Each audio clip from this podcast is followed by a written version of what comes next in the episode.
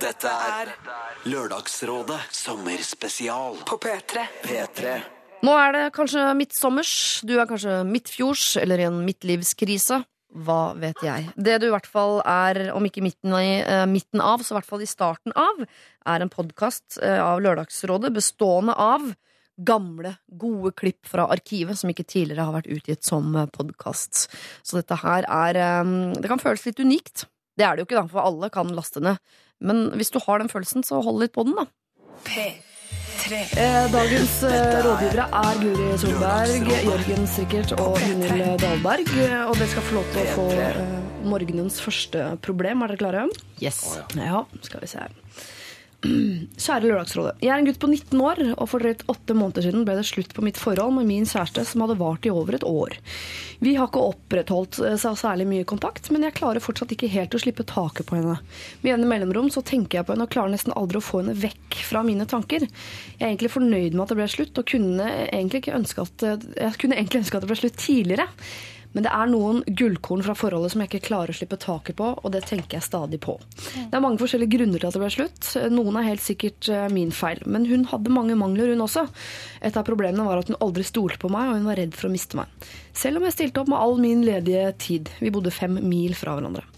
All den redsel, frustrasjon og sinne lot hun gå utover meg, så jeg kan si at om en objektiv domstol hadde skulle felle dom over oss to, så hadde hun blitt dømt som gal. Jeg skjønner nå plutselig alle disse amerikanske standup-komikerne som snakker om sin gale eks mye bedre. Men selv om jeg er sjeleglad for at det hele endelig er over, så sliter jeg fortsatt med å få henne ut av hodet. Jeg slutter aldri å tenke på henne, så hva skal jeg nå gjøre? Jeg har lenge trodd at tid leger alle sår, men har etter hvert sluttet å tro på det. Skal jeg slette alle spor etter henne, finne en bøtte av alle tingene hennes oppi og tenne på med en lighter? Eller finnes det andre alternativer? Kall meg gjerne for gutt 19. Det har vært slutt i åtte måneder, han får henne ikke ut av hodet. Kjære gutt 19. Han hadde så mange fine svar sjøl. Ja. Syns han tenner på Det den med bøtta? bøtta. Fantastisk uh, lite rituale. Nei, det er jo helt grusomt å ha kjærlighetssorg. Herre Ja. min hatt. Eh, Man tror jo at man skal dø. Det er jo ikke akkurat det han tror, men eh, det går jo helt over. Til slutt så kommer han til å slutte å tenke på henne, for at hjernen bare tenker Hjernen er et så- sånn fantastisk organ, dere. men det er bare Til slutt så har man liksom Man har tenkt alt kanskje 10-20 ganger, Ja. så det er ikke mer å tenke på. Så går man videre. Ja, Så det er det med tiden, altså? Det er ikke en myte? Ja, men det høres jo litt Hvis hun var øh, erklært øh, sinnssyk, eller hva det var hun var, gal, Ikke sånn på papiret, men så er det jo ikke bare kanskje følelsene som er øh, Som river og sliter igjen. Og liksom at, at det er slutt, at man, man må gå videre. Men hvis man har vært sammen med noen som krevde veldig mye, så er det sikkert man Kanskje man må skille liksom kjærlighetssorgen og at man har vært veldig tett på en det, Å være tett på folk som har psykiske problemer, er litt sånn um, Veldig, veldig forstyrrende. krevende. Ja. Man må gi veldig mye av seg selv, antageligvis. Ja. Men er det ikke litt utopisk å glemme en eks? Jeg, tenker, altså jeg husker fortsatt folk som jeg gikk i barnehage med, som jeg ikke hadde kontakt med siden. Så hvordan i all verden skal jeg klare å glemme en fyr man har vært sammen med i mange år, og som man har ligget med og delt gleder og sorger? Man, kan, man glemmer jo Må man glemme eksen? Nei, man klarer jo aldri å glemme eksen, men det er jo forskjellige måter å huske på. Og det er jo som du sier, når man har ligget med noen og levd med noen og hatt noen veldig tett innpå seg, så er det jo egentlig noe fint i det òg, da. At det er et minne som fester seg, så er det der. For det jo, man har jo en eller annen felles historie, selv om hun var gæren og det var kjipt og mange sånne grunner til at det ble slutt, som gutt 19 skriver. Men uh, det tar jo bare haumye tid. Eh, det, det er jo det som er drit. Det, tar, altså, unnskyld, det er veldig sånn demotiverende når jeg sier det, men det kan at det tar flere år. Men Men at det blir litt sånn det, går, det forsvinner mer og mer og mer. At man husker, det, husker eksen på en litt annen måte. Man tenker på eksen, og så blir det faktisk sånn til slutt. At man husker det som en sånn fjernt, kanskje litt fint minne. Og at det ikke er sånn vondt i hjertet-følelse. Kanskje han skal bruke litt mindre energi på å glemme eksen, og bare liksom eh, godta at eksen er en eks? Det hjelper veldig å finne noen andre. Ja. Tips. Hive seg Det utpå er igjen, det rett og slett. tipset, egentlig. Er det noen rundt et bord som føler at de har en eks de har glemt? Som de liksom ikke kan komme på navn, sånn type ting? Um, Alle husker eksene Ja. sine. Det. det er dessverre sånn. Nei, det var er sagt. Det er ikke det som er problemet er det. At man, for man har har ikke lyst til å slette minnet sitt eller å bli lobotomert. Jo, det virker litt sånn. vil ja. Ja, for han vil jo Ja, ikke ha henne tilbake. Og Han vil jo ikke ha henne. Han er glad for at det er slutt, men han klarer ikke å få henne ut av hodet. Nei, men det, er jo, det, kan jo, det gjør jo ingenting at han går omkring og husker og tenker på det, men, men at ikke hele fordømte tida det var, Jeg oppfatter at det er det som er problemet. At han tenker for mye på det. Mm. for mye altså, han står i veien for ting. Ja. At gutt 19 også er litt uh... Ja, for at hvis man, ikke, hvis man tenker på en person non-stop i åtte måneder, hele, hele, hele, hele, hele, hele, hele tida, så da kan man Da har man et problem. Da kan man kanskje bli stalker. Oi. Nepstad er at du drapsmann. Oi. Så den objektive domstolen, det er ikke sikkert at den Men så tenker jeg, sånn som han, han, han skrev en veldig lang og veldig fin mail, og det høres ut som han liksom jobber seg gjennom det, på en måte. Bare den å skrive den mailen hit til Lørdagsrådet virket som god terapi for han. At han det jeg mistenker, da, er at han, han er liksom veldig sånn Ja da, men det er bra at det ble slutt, skriver han. Det er mange gode grunner til at det ble slutt, og da høres det ut som han snakker litt i seg sjøl. Så det virker som det som plager han, er den der tanken som kan komme av og til når man har gjort det slutt med noen. Har jeg gjort det riktige? Skulle jeg vært sammen med henne? Eller åh, ble det riktig? Den der ekle følelsen av angst som man får når man har tatt sånne store, viktige, skumle valg. Ja. Eh, Jeg mistenker at det er det som plager han. Det er jo dritvanskelig med sånne ting, men eh, Ellers er denne ensomhetsgreia det er jo veldig vanlig blant dere menn, Jørgen. Ja, ja, ja. Eh, at, dere er, at det verste av alt er å være singel og være aleine. Så man godtar heller å være i et liksom dårlig forhold enn å, å vandre rundt aleine. Så kan det jo være der frykten ligger. Mm. Men nå høres det ut som han har eh, tross alt eh, gjennomført det i åtte måneder. Det er nå faen ikke verst. nei, det er Åtte måneder er ganske lenge. Det er det år. mannen, ja, det er jo kjempebra. Ja. Åtte måneder, det er, Han er ferdig om ja, Han er halvveis, da. Men hva da? Eh, Men denne slags sorgen, eller hva det er han går og bærer på. Oi, han er halvveis. Han er halvveis, ja. For den tar 16. Så er det Vi visste det ikke det. Elefantsvangerskap, er greiene. Veldig greit å ha klarhet i hvor, akkurat hvor lang tid sånn sorg tar, for at jeg ville sikkert ha Men Men glemme henne, det tror jeg ikke går. nei, vi kan jo si til gutt 19 også at det er jo øh, øh, Det høres igjen ut som jeg er kanskje 55, kanskje til og med 85. Men når man går gjennom livet, så får man jo noen arr psykisk også. Det er ikke sånn Alt du, som har skjedd, det glemmer du. Så at hun, hvis hun var helt rabiat, hun, øh, hun dama har virkelig satt seg i skjelettet, så hun kommer til å kanskje slite med traumer til hun er 40. Ja, men også disse gullkorna sier også at de hadde noen gullkorn fra, i dette forholdet. Og de kan han vel bare kose seg med resten Ja. livet. Han kan vel sitte og, Ja, og spise karamelldrops når han er 90 og tenke litt på de gullkorna fortsatt. Er ikke det lov? Det er lov. Det er ikke utroskap, det. Overhodet ikke. Jeg spør på vegne av gutten Hvis han onanerer og tenker på de gullkorna, så syns jeg det er utroskap. Ikke onaner til de gullkornene. Altså, stopp ved drops. Det får holde. Men ellers så er rådet, tenker jeg eh, Det er litt døvt, men ta tiden til hjelp. Men jo, gjør noe gøy i mellomtida. Ikke Ja. sitt hjemme og så vær frustrert over at du ikke glemmer henne. Nei. Det er fristende å si det, anbefale den vodkaflaska igjen, men det føler jeg ble litt feil. La han finne ut av det selv. Ja, ja, ja. Kos deg litt. Kos deg litt. Men åtte måneder er jo ikke veldig lenge i en 19 år gammel gutts liv. Nei. han, har, han har tid til det. Ja. Og 16 hvis det er det som trengs. Ja. Det er jo, det, man kan ikke, det, alt går ikke over på åtte måneder, gjør det det? Ingenting går over på åtte Mange, måneder. det finnes sykdommer som varer mye lengre. Eh, Ta tiden til hjelp. Det er dessverre sånn det er. Og ikke vær så opptatt av å glemme det, for det går antageligvis eh, ikke, altså. Jeg har fått inn en, eh, en melding fra en som heter Ellen, som jeg tenkte dere skulle få lov til å svare på. Guri Solberg, Jørgen Strikkert, Gunhild Dahlberg. Og det står Hei, Lørdagsrådet. Jeg lurte på om dere har noen tips på hvordan man kan avvise gutter som sjekker deg opp på fest, bar osv. på en vennlig måte, men allikevel tydelig. Jeg har ikke lyst til å virke overlegen eller bitchy, og syns derfor det er vanskelig å være tydelig nok. Jeg håper dere kan hjelpe meg. Det er fristende å begynne med gutten i panelet her. Jørgen, hvordan vil du bli avvist? Eh, hvor tydelig må vi si det? Jeg syns det var veldig omtenksomt av Ellen, da, for det er jo ikke, det er jo ikke hennes ansvar egentlig, det her. For det høres jo litt ut som om underteksten her er at det, det er noen gutter som hun har møtt uh, ute, som er veldig tydelige. Uh, og da trenger ikke jeg, tror ikke jeg at hun trenger å, å være veldig opptatt av at hun må være skånsom. Nødvendigvis. Hun må først og fremst tenke på at hun skal ha det gøyalt, og gjerne uten da dette som hun vil slippe å ha noe med å gjøre. Ja, for Man kan jo ofte bruke for mye tid på å være hyggelig mot folk som man vet at ja, men det, er for, det er ikke deg jeg har lyst til å snakke med i kveld, og det, det du står og tenker på, kommer aldri til å skje. Så man vil ha mennesker bort. Men heldigvis har vi et eller annet instinkt som, som sier at vi skal være høflige mot andre mennesker. Så noen ganger bruker man veldig lang tid på det. Noen har iallfall det instinktet at de skal være høflige. Ja, ja. Men hvis man blir sjekka på av en neandertaler, så må man svare tilbake med en neandertaler. Eh, og ofte så syns jeg at gutter, hvis man går sånn jeg må på do, eller jeg må, må i baren, eh, og kjøper meg en, en øl for å komme seg unna, Ja. så skjønner ikke de det. Man må nesten si det. Eh, jeg har ikke lyst til å snakke med deg. For ofte Men det tror man klarer jo man, det sitter jo veldig langt inne, for man er jo så godt oppdratt. eh, Og flink pike. Ja. Men eh, det er egentlig det beste som funker. Og da blir de jo sure. For gutter blir kjempesure når, når de ikke får ligge med deg. Når de ikke, når de ikke har sjans, blir de kjempesure, blir drivfornærma. Så begynner de å si sånn Å, jeg tror feil er deg, ja. Eh, og så kanskje hore, til og med. Et eller annet sånt. Jeg fikk det en gang av en mann som sa 'din eh, stygge hore'. Han hadde jeg gått mot Ja. sånn 'Men unnskyld meg, men ville du ikke nettopp ligge med meg?' Eh, så jeg kan jo ikke være så stygg. Og når jeg sier nei, så er jeg vel per definisjon ikke hore.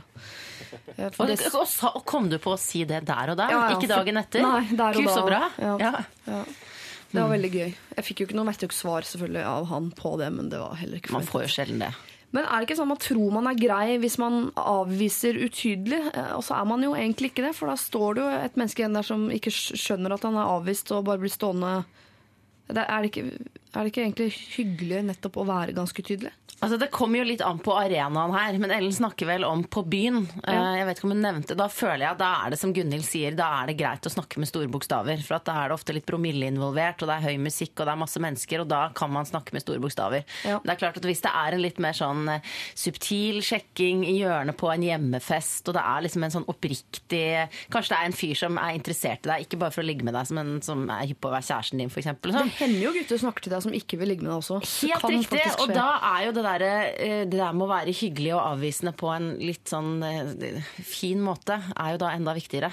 Mm. Eh, Men Men uten å være innbilsk òg, for man kan jo ja, og det er det verste. Man har jo ikke lyst til å være sånn Å ja, nei, trodde jeg hadde, nei, trodde jeg hadde lyst til å være kjæresten din. Er du helt Altså, man må ikke gå for langt heller. Eh, så, så det er vanskelig å finne riktig måte å avvise på. Men eh, eh, nå blir det mye snakk om alder her. Jeg er 35 år, og en av de viktigste tingene jeg har lært En av de viktigste tingene jeg har lært meg eh, eh, på disse 35 åra, det er at eh, jeg må som regel være tydeligere enn det jeg trodde. Og det gjelder ikke bare kjærleik, altså, det gjelder andre ting òg.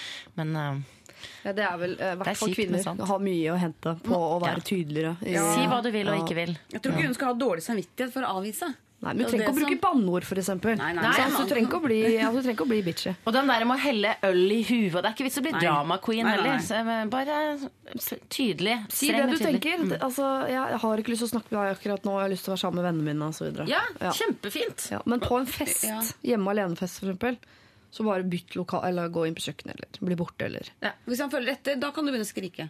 Voldtekt, voldtekt. Ja, for eksempel. Det er ikke det samme som hvis man, får, hvis man mottar et brev på nynorsk, så skal man jo primært svare på nynorsk. Man skal jo møte, møte på- på samme måte som man blir møtt. Sant? Ja. Sånn at hvis hun blir møtt av en apekatt Ja. på, ute på et sted, et offentlig sted, da må man, må det være lov å være apekattaktig tilbake, syns jeg. Da kaster man en banan ut på gulvet og løper i andre retningen. ikke sant? Sånn type ting.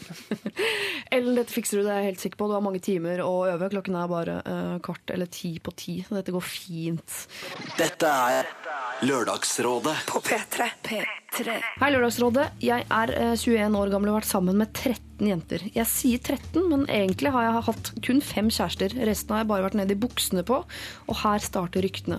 De, altså omgivelsene, skole, jobb, venner, sier at jeg er løs. Men hvordan kan jeg være løs i en tid der jenter blir oppfordret til å ta et oppgjør med horestempelet gjennom å ta tilbake og dyrke sin seksualitet? Skal jenter nå hylles som sterke og frigjorte dersom de gjør det de har lyst til, nemlig å ha sex, mens gutter de underlegger seg, underlegger seg på sin ferd mot seksuell selvrealisering, skal bli sett på som løse. Hvor ble det av det gode, gamle kjønnsrollemønsteret? Unnskyld, jeg blir bare irritert. Min storebror, som er ti år eldre enn meg, hadde pløyd over nært dobbelt så mange jenter som meg da han var på min alder, men han opplevde aldri å bli omtalt på samme måte, uh, på en mindre da flatterende måte. Snarere motsatt. Hva skjer da? Med vennlig hilsen gutt 21 Oslo. Og så kan jeg oppsummere problemet. Er, er, forstår jeg det sånn? Han har lyst til å pule masse damer. Han har pult masse damer. Han, har, han vil fortsette med det uten å bli kalt Uten å få rykte. Ja. Og at uh, man eh, skal fortsette å kalle damer som ligger sammen, for horer. Nei, jeg tror ikke jeg er så opptatt av det. Jeg tror bare, det er på en måte, Hadde dette problemet kommet inn for fem år siden, så hadde det aldri blitt tatt opp, for da fantes ikke dette programmet. Men allikevel så hadde ikke dette vært et problem. Det har jo øh, så langt i historien ofte vært jentene som blir sett på som løse hvis de ligger med mange, og ikke guttene. Altså, Ja, og- Jentene er fellesøl, gutten er kul. Ja, og jeg, unnskyld at jeg avbryter, altså, men jeg må bare forklare mitt primalhyl der. For at det er jo det som ligger mellom linjene her, som gjør at jeg blir sånn lettere forbanna, er jo den derre Nei, nå har likestillinga gått for langt. Nå blir ikke damene kalt for horer lenger. Nå er det vi mannfolka som ikke får lov til å pule rundt. Og det er jo på en måte For dette her er jo en problematikk som veldig mange jenter kjenner seg igjen i. Og jeg forsvarer ikke at han her blir kalt for løs, for jeg, det er jo hvis han er grei med de jentene han ligger med, så er det jo helt ok at han ligger med så mange han vil. Bruk kondom, altså. Men uansett, jeg bare syns det er en rar ting å være forbanna for, da. Ja. Ja. Han, han må, det han skal være glad for, er at han får pult. ja. Det er veldig mange som ikke får det. Ja. Så han må bare være glad for det, og så ta det ryktet som Ja. Men hvis han ikke skrevet denne mailen litt annerledes da, og bare fokusert på at han syns det er trist at han skal bli sett på som løs fordi han har ligget, nå har vært borte på 13 stykker og droppa det der med jenter og horer og, og den pakka der, men bare han blir kalt for løs av sine venner, omgivelser, skole og jobb fordi han nå har eh, vært borte på 13 jenter i en alder av 21. Det kan, kanskje det hjelper å ikke starte eh, alle setninger med 'jeg er 21 og har ligget med 13 jenter'. Kanskje Hvis man starter på en annen måte, så blir man ikke så fort stempla som løs. kanskje. Antageligvis. Han kunne vært 21 år og student, eksempel. Jeg heter et eller annet, og så og hvordan står det til? Ja. Mm, Hva driver du med? Sånne ting. Ja. Jeg vet ikke.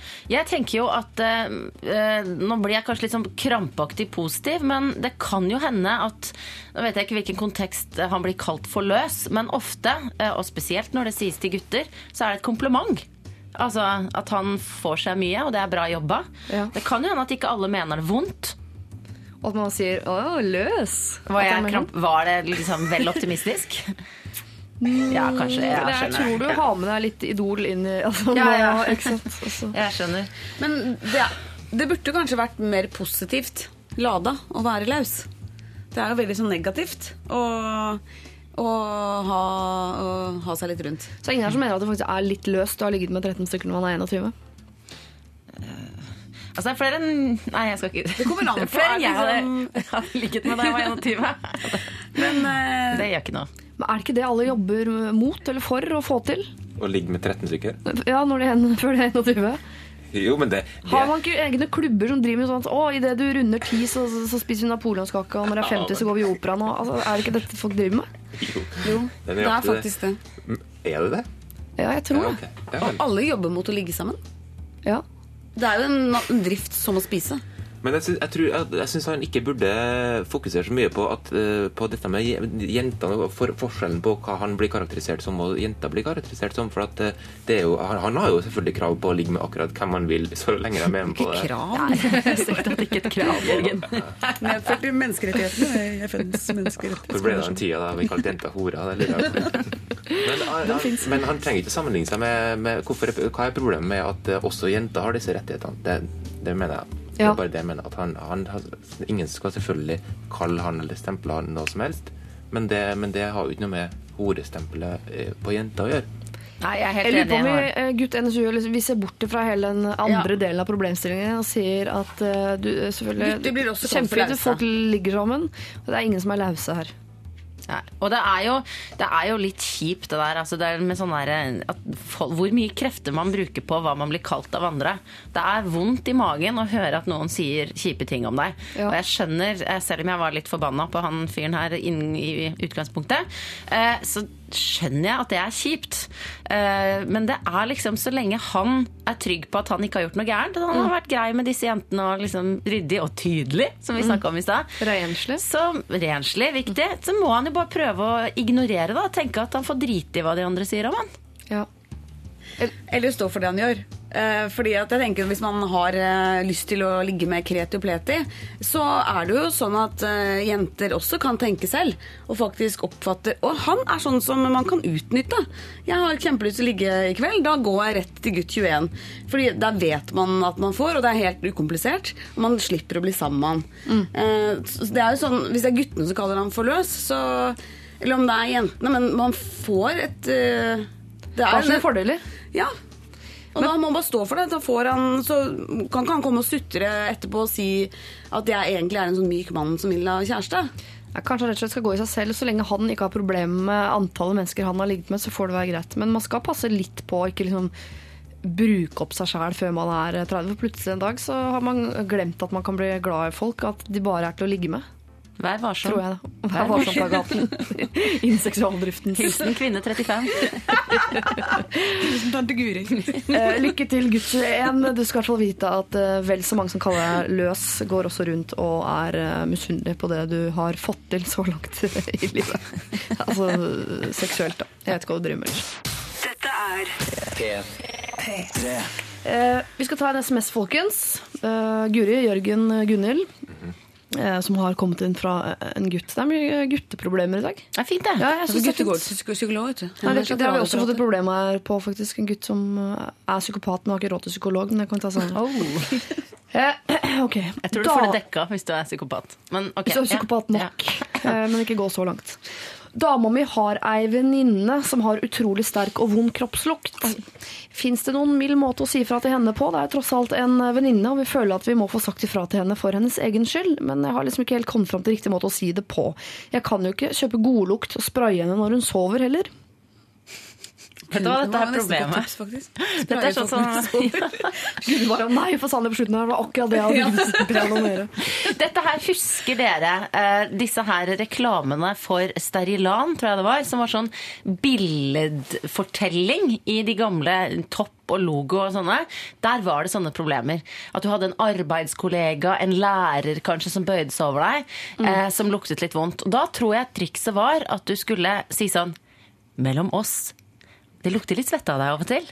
Og så smilte man til hverandre da, på disse veldig stiliserte bildene. Og så, og så var det ingen som ble sure eller såre, eller sånn, bare smilte. Og så begynte vedkommende som fikk tipset, da, å begynne å bruke Sterilan. Og så var ferdig, ferdig pokker, liksom. Ja. Får man ikke kjøpt Sterilan lenger, eller hvordan er det der? Jeg tror Sterilan, jo. såpen Sterilan finnes. Ja, det er jo nå. Ja, det er jo nå, ja. Og Reklamen som har blitt dårligere? Men det er, det er jo ikke en kul beskjed å gi, og det er heller ikke en kul beskjed å få. Men det er nok en beskjed som er veldig fin å få, som jeg tror man setter pris på etterkant. Jeg husker Imran i klassen min. Han sa til meg i sjette at jeg burde begynne å bruke bh. Det sa jeg var utrolig kjipt å høre, men jeg begynte jo å bruke bh. Det er ikke sikkert det var så dumt. Nei. Og så er, det Så er er sånn vi jo- tolvåring med sånn kjempehengemugger, liksom, som nesten stakk ut av genseren i bukselinjen. Hadde det vært så vel? Nei da. Nei, men det, det, Var ikke det bare en sånn fjortiskommentar fordi du hadde fått litt pupper? Du må begynne å bruke BH. Jeg tror han mente det godt, liksom. Det, Skal du ta tips syns- fra en tolv år gammel eh, klassekamerat? Skal en gutt fortelle meg når jeg skal begynne å bruke BH når jeg er tolv år? Du, Vi var ganske gode venner, og vi var de to i klassen som ble plukket ut til å være med i Fem på. Så vi var ikke helt eh, det, altså, Ja, det forklarer det. er noe. Okay, da sa han var smart. Ja, det var en liten smarting. Eh, men er det, det er vel ikke han som skal si for dette er jo, det er jo venninna til dama hans. Det er vel i så fall dama hans som skal oh, ja. gjøre den jobben, eller? Ja, ja, han må ikke si noen ting. Det er jo, det er jo første det er, Ikke si noe, du. Nei, bare dama må si noe. Eller det går an å ta den litt mer subtile. Det fins jo veldig mange fine, eksklusive, gode deodoranter som du får kjøpt på taxfree. Som man kan få pakka inn i noe sånn glanset papir og gi i en passende anledning. Uten at det virker som et hint om kroppslukt, men bare se for en fin deodorant vi har kjøpt til deg. Det liksom flettet kurv hvor det ligger deo, men også badesalt. Ja, ja, ja. Så man kamuflerer Og en liten lapp. Man skal dusje hver dag. Å, det er så deilig å dusje. Mm. Nei, men hun burde jo få beskjed. For det kan jo hemme henne. Altså, det, kanskje hun har uh, gått glipp av den store kjærligheten i sitt liv fordi hun lukter vondt. Ja. Og hun er ikke klar over det. Burde hun ikke få beskjed? Jo, hun burde jo få beskjed, men jeg skjønner det er jo kjempevanskelig å si ifra om det. Og noen folk lukter jo bare vondt. Det er sant, det. Uansett. Og det er ikke noe å gjøre du, Vi kan uh, transplantere hjerter nå. Det må kunne gå an å få bort litt vond lukt. Ja. Ved operasjon. Operere bort vond lukt. Er det, er det sant? Er det, kan, er, er, finnes det mennesker som sånn er, det, lukter den bare? Ferdig med det. Går ikke an å vaske dem? Ferdig. Sånn er Jeg tror det går an til å vaske dem, men den lukta kommer litt fort tilbake. At det er deres kropps, altså det er deres indre lukt. Ja, okay, ja. Sånn er det bare. Det er ingenting å gjøre med. Men man trenger, det er forskjell på å dufte og stinke. For det er noen som man tenker du har ikke dusja i dag, og jeg tror ikke du dusja i går heller. Og ikke bytta klær på en uke. Og det er jo vanlig, folkens, eh, det sier jeg på radioen her, at det er vanlig eh, å vaske seg eller dusje gjerne hver dag. Bytte sokker og underbukse. Da er mye gjort. Mye Ta på deo. Mm. Eh, Deo er viktig. Men det er jo faktisk en del som Jeg bare ser for meg to mulige scenarioer for hvorfor den lukter vondt, da, som ikke nødvendigvis er liksom dårlig hygiene. Det kan være at man bruker klær som er i sånne syntetiske stoffer. For hvis det først setter seg vond lukt i de, så forsvinner det ikke mulig å vaske det bort. Altså, da snakker jeg sånn eh, eh, mikrofiber eh, Akryl og Akryljakker Ja, Akryljakker fra kubus Cubus og sånn. kan ofte lukte svette fra Det lukter ofte litt sånn katt, stram katteurin. Ja. Eller hvis man en eller annen gang har eh, vasket klær, la oss si at man har gjort det, da.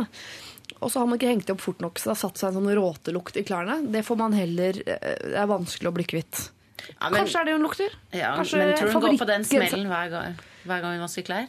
Nei, Kanskje hun har en favoritt-akrylgenser Ja, det kan fra ja, Kapal da, som lukter litt sånn uh, katteurin. Ja, men Kjøp en ny genser og en deodorant, da. Så man sånn. Ja, Hvis du ikke jobber på kebab. Du Kongen? jobber som kebabsteker. For det lukter jo kjempevondt på sånn gatekjøkken. Eller hvis du går ut på utestedet Mono i Oslo. Der har du en bakgård som lukter frityr og røyk. Eh, og det går ikke annet eh, for oss eh, som ikke trenger å stå i og å gå ut der. Jeg kan ikke gå ut der, for håret det lukter frityr og røyk av håret etterpå. Kanskje det er noe sånt? Bare for å forklare hvor møkkete det stedet er, så er det, det er det stedet i verden hvor eh, jeg har spydd og så klina, og det føltes helt greit. Jeg tenkte, det er et sånt sted. Sånn holder vi på her, på en måte. Hvis jeg Jeg elsker Mono, jeg. Men kanskje man skal lokalisere hvor den lukta kommer fra, holdt jeg på å si, med hun jenta som lukter vondt. Ja. De må tenke, er dette her dårlig hygiene, eller er det jobben hennes? Altså Hun er kebabsteker, eller, eller er det eh, kroppen, eller er det armhulen, altså er det klærne? Men uansett er det ikke det greiere å si fra enn å, å, å kjøpe den der uh, glansa deoen og det badesalt og, og den genseren og alt den hintinga. Er, hvis de er klar, hvis eh, venninna er klar for å ta bare den eh, lille konfrontasjonen der, så er det det aller beste. Ref tidligere dilemmaer og problemer i dag. Tydelighet er best. Og ikke vent ikke, eh, til det liksom virker som en eh, naturlig og lett ting å snakke om, for det er det ikke. Det er en kjip ting å si fra om. Og ikke si. 'dette har vi snakket om i flere år', eller 'det har plaget oss i mange måneder'. For det er så kjipt. Nå må jeg bare si det. I det siste, kanskje i Bare det siste. forbifarten. Ja. Du, det er noe som lukter litt pussig her. Er det Er det, deg? er det? Er meg? Oi, er det deg? Å gud, jeg trodde kanskje det var meg. Altså, går det, Det går an. Men eh, vi snakka også om en sånn halv vodkaflaske her i stad. Det går an til å ta det litt før man har tatt halve, da. Pass Ta på det i fylla. Ja, men ikke at du husker det. Men ikke, ja, ikke sant? Du må ikke ta deg drit at den er pussa. Og et glass vin eller to. Ja, da begynner å grine og ikke sant. Eller ta den kjente teknikken sandwiching. Du tar, sier en hyggelig ting. Fy fader, du, ser så bra ut om dagen. Altså. Men det er- lukta! Ja, og så tar du lukta, og så tar du en fin ting på andre sida igjen. Veldig bra. Det er en veldig fin måte å kommunisere på. Sandwiching heter det. Ja. Når du liksom bitcher og komplimenter samtidig. Yes. Jenter er kjempegode på det også. Ja, ja, ja. Eh, lykke til. Dette må tas opp, om det blir i form av eh, sandwich eller eh, hvilken eh, kommunikasjonsform du velger. Men eh, la dama di gjøre det. Eh, og gjør det snart. Og gjerne over en flaske vin. Vet du hva? Jeg svetter under armene jeg nå. Gjør Jeg det? kjenner det. Jeg lukter det. Jeg er så redd for at jeg skal lukte også. Ja. Dette er er P3. Eh, folkens, jeg har et nytt eh, problem til dere som har fått inn på mail. Bring it Guri on. Solberg, Gunhild Dahlberg, Jørgen Strikkert. Jeg eh, leser. God morgen. Nå har jeg et lite dilemma. Jeg har eh, nylig etablert et enkeltpersonsforetak. Eh, Jobben kan jeg gjøre hvor som helst i verden, bare jeg har laptopen med meg. Jeg er folkeregistrert i Finnmark, dvs. Si at jeg har en del økonomiske fordeler med å ha bedriften der. Jeg har også tatt kontakt med kommunens næringsfond, som virker positive til å gi meg en fin sum i etableringstilskudd. Nå er jeg på flyttefot sørover til et mindre økonomisk lønnsomt fylke. Jeg har store planer om å ikke melde, ikke melde flytting til folkeregisteret. Altså at jeg bare skal fortsette å dra nytte av finnmarksskatt og lånekassenedbetaling. Eh, Det er jo sånn at man betaler mindre tilbake på studielånet hvis man flytter til eh, Finnmark.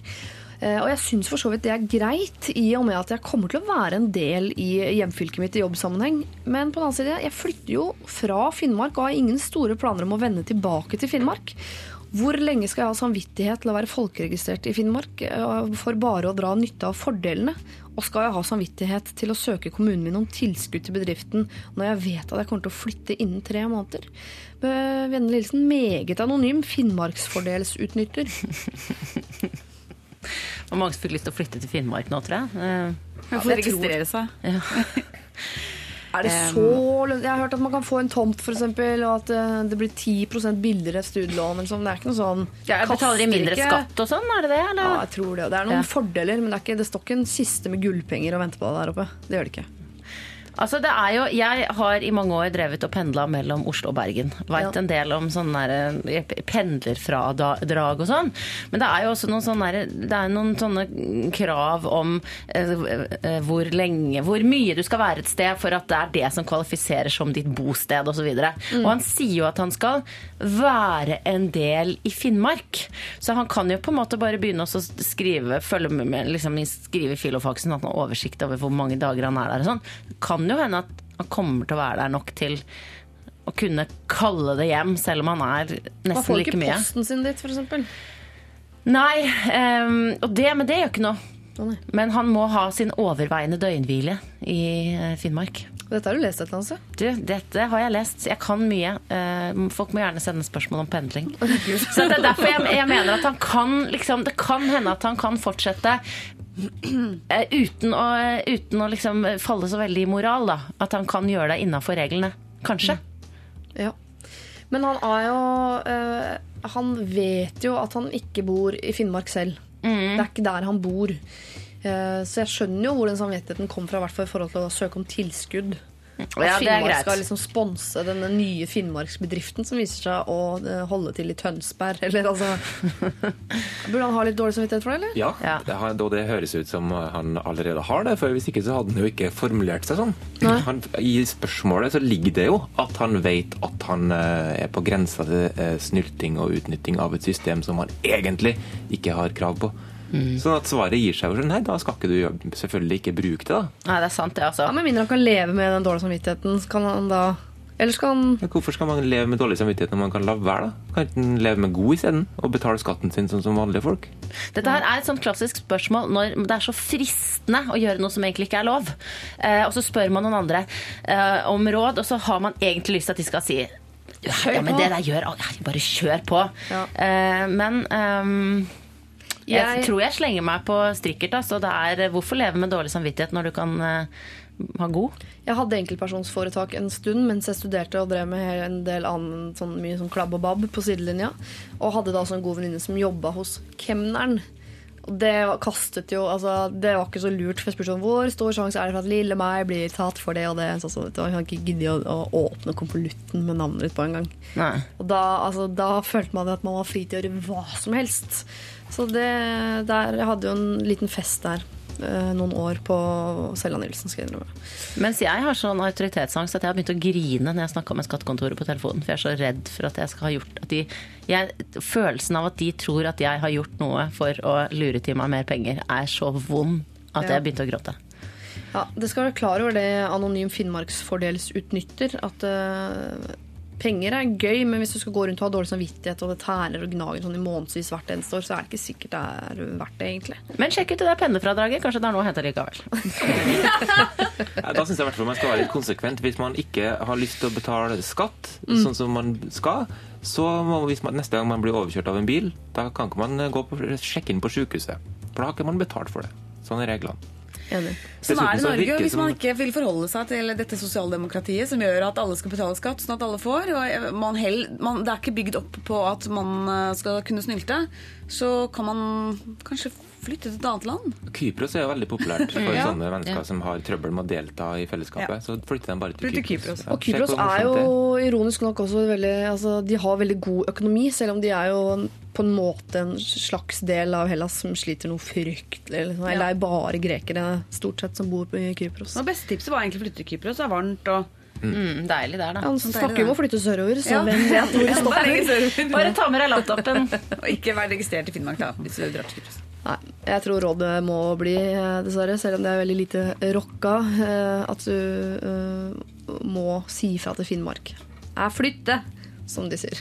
Det er jo mange i Finnmark som, vil ha, som skal bo der, som trenger de pengene. Ja, tenk på det sånn. Det er litt er som ingen folk igjen der. De trenger jo all den tilskudd de skal få. De trenger sånne lyslamper som får dem gjennom mørketida. solarium. Ja. må de ha. Jeg ville dessuten ikke vært så bekymra for han, eh, denne potensielle snylteren, som antakeligvis nå slutt ikke gjør det. da. Han, eh, Så vi tar han, for gitt av en mann. Det er så gøy. de er jo ofte det. Han, eh, han er jo veldig næringsnyttig. Han er veldig lur og smart, eh, siden han allerede nå tenker på hvordan han skal kunne utnytte systemet Ja. når han flytter fra Finnmark. Så den bedriften hans kommer til å gå som bare faen uansett. Det er ikke noe problem. Han Men lærer man ikke Ikke det noe innenfor lovverket. Hva tror du han driver med? Han det- er med i mafiaen. Ja, nettopp. Mm. Han starter enkeltpersonsforetak som mafiaboss. Ja. Kjempelurt. Ja, tenk litt på sånn, Hvis du sitter på pub en kveld med fire gode kamerater og man har blitt enige om å kjøre runder på hvem som skal gå i baren, så ikke hopp over din egen runde. Altså Man er nødt til å bidra hvis man skal høste goder. Eh, Det gjelder vennegjenger, og det gjelder også den kjempestore vennegjengen Norge.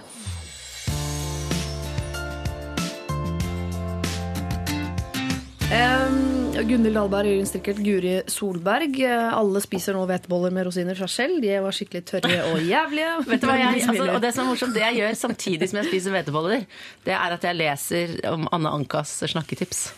Ja. Og de involverer ikke hveteboller, sånn, så det, føles ut, det er en rar følelse. Den dagen det kommer en hvetebollediett, altså. Da skal Ja. jeg hive meg på. Ja, ja, samme Hva er tipset hennes? Ikke spis. Ja. Ja. Det er roughly det. Mm. Og bruk eh, kniv. Altså, eller noe andre, da. Eh, jeg skal ta et problem som har eh, kommet inn, som nå er særlighetsrelatert. Jeg har et problem. Jeg har en samboer som har en tendens til å knekke lemmer og skade seg generelt. Er, eh, når han er skadet pasient, er det klart at jeg skal hjelpe han og ta mesteparten av husarbeidet. Problemet er at jeg begynner å bli lei av dette husarbeidet. I tillegg føler jeg at eh, han nå har begynt å late som noe så verre til enn det det egentlig gjør, sånn at han skal slippe å bidra. Det virker som om man tror at jeg gjør alt hjemme fordi det er min jobb, og at selv om han begynner å bli bedre nå, så føler han nok at ordningen hvor jeg gjør alt, gjerne kan fortsette. Hvis jeg sutrer og klager, så gidder han eh, å gjøre det jeg ber han om, men det er ikke så digg å være ei sutrehøne hele tiden heller. Ellers er han en topp fyr, og vi har det fantastisk. Jeg sa at jeg skulle sende inn spørsmål til dere, eh, men eh, da trodde han at dere kom til å være på hans lag. Det skal ikke være mulig! Det skal ikke være mulig.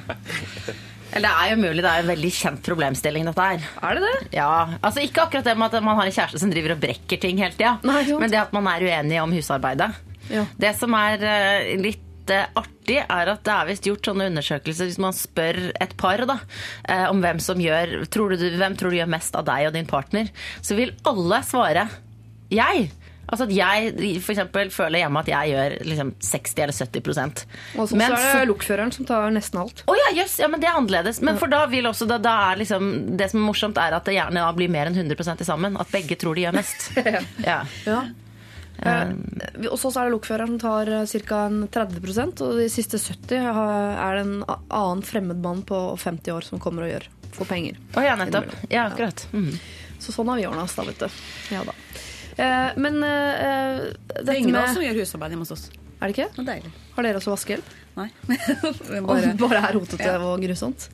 Og så er dette er kanskje utrolig sånn Føler jeg meg som en gammel dame som syns at uh, at det må være så annerledes med dere, Jørgen. Men hvordan foregår det hjemme hos dere, som jo er to menn? Hvem, Ja, gjør, er det noen som gjør husarbeid der? Ja, men det er, det er veldig kjedelig, for det er akkurat sånn som hos deg. Jeg har jo også en mann i huset som tar dette, så jeg slipper også å gjøre veldig mye. Jeg gjør veldig lite.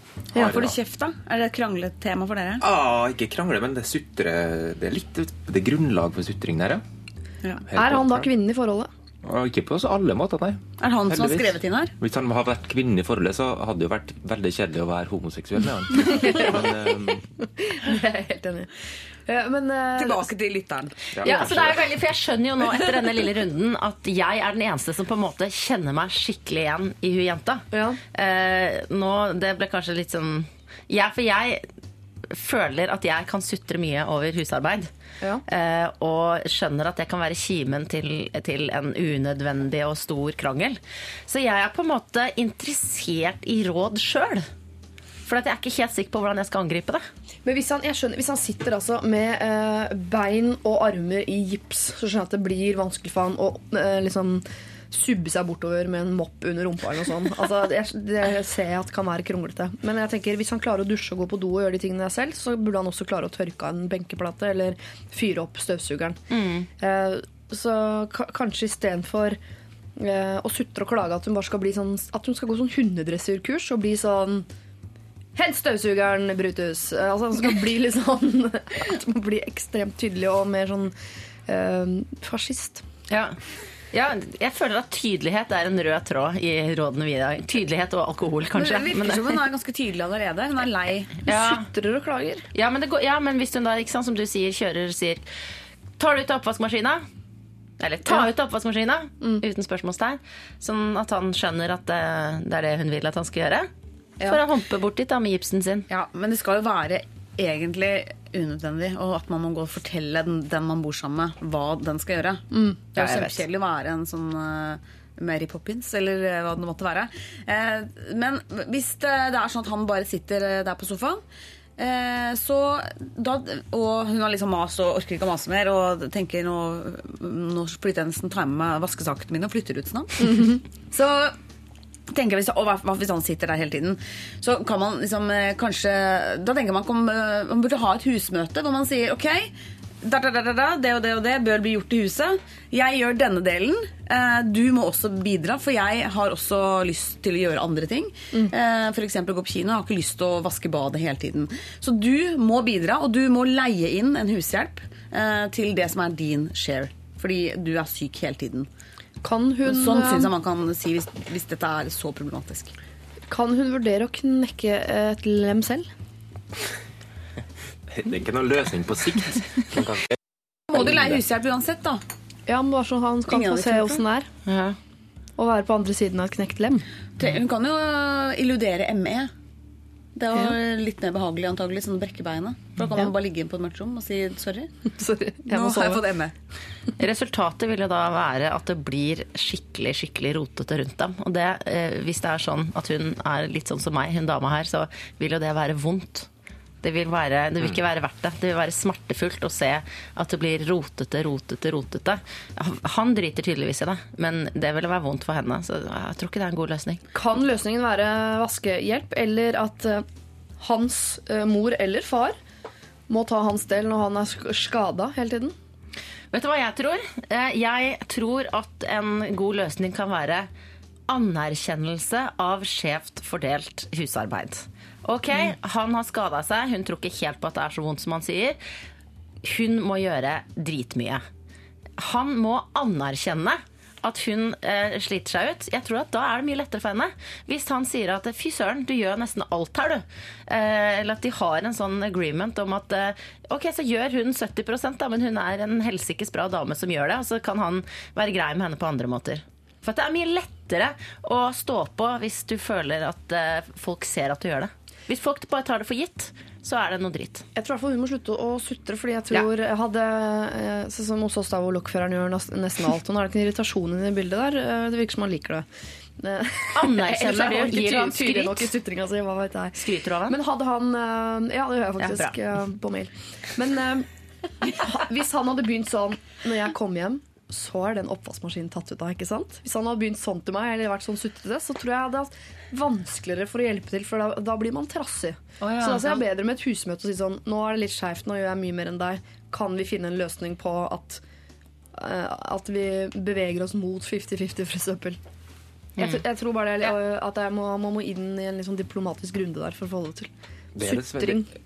Unnskyld, Siri. Er kje- Jeg elsker å bli avbrutt. Altså, Så ikke så snakker jeg hele tiden. Da skal jeg gjøre det mer. Um, jeg, jeg tror at det, det nøkkelen er der for at man må snutte å dessverre snakke om disse tingene. For at folk syns forskjellig om hva som er skittent og hva som er rent også. At Ja. det, det som er en manns skitten, kan være en annen manns rent. Mm. Og mange bryr seg, sånn som du sa, Guri. det Man ser forskjellig på disse tingene. Og da må man skrive en liste. til Det, det og det og det skal gjøres. Av hvem. Kjempekjedelig og ikke det minste romantisk, men på sikt kjempelurt og bedre enn å ødelegge forskjellige lemmer. Så kan man nederst på en liste eventuelt skrive sånn Så blir det mer tid til sex! Eller altså, bare en sånn liten sukkerbit i Ja, men du, Det der er sånn som de skriver i Norsk Ukeblad KK og sånn. Men altså, hvis mennene tar oppvasken, eh, henger opp tøy, gjør en del sånne ting helt på eget initiativ, da blir det noe på dem. Det, er, det høres døvt ut, men det er Jeg blir så kåt av en ryddig oppvaskmaskin.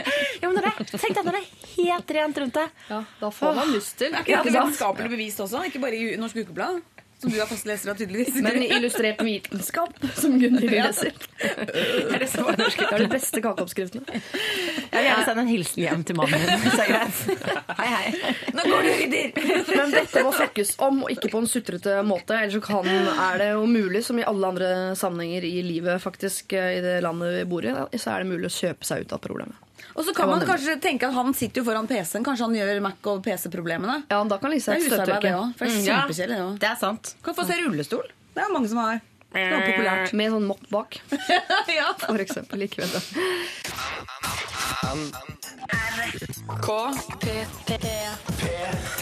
Vi har med oss eh, programleder eh, Hans Olav Brenner. Eh, Visuelt sett kunne du også vært poet her du sitter. Ja, Du ser litt poet ut. Ja.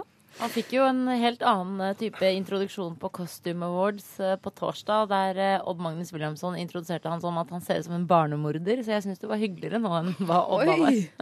Ja, sånn kan man unne seg å si når man er Norges mest sexy mann Mm. på papiret. Det er sleipt, det.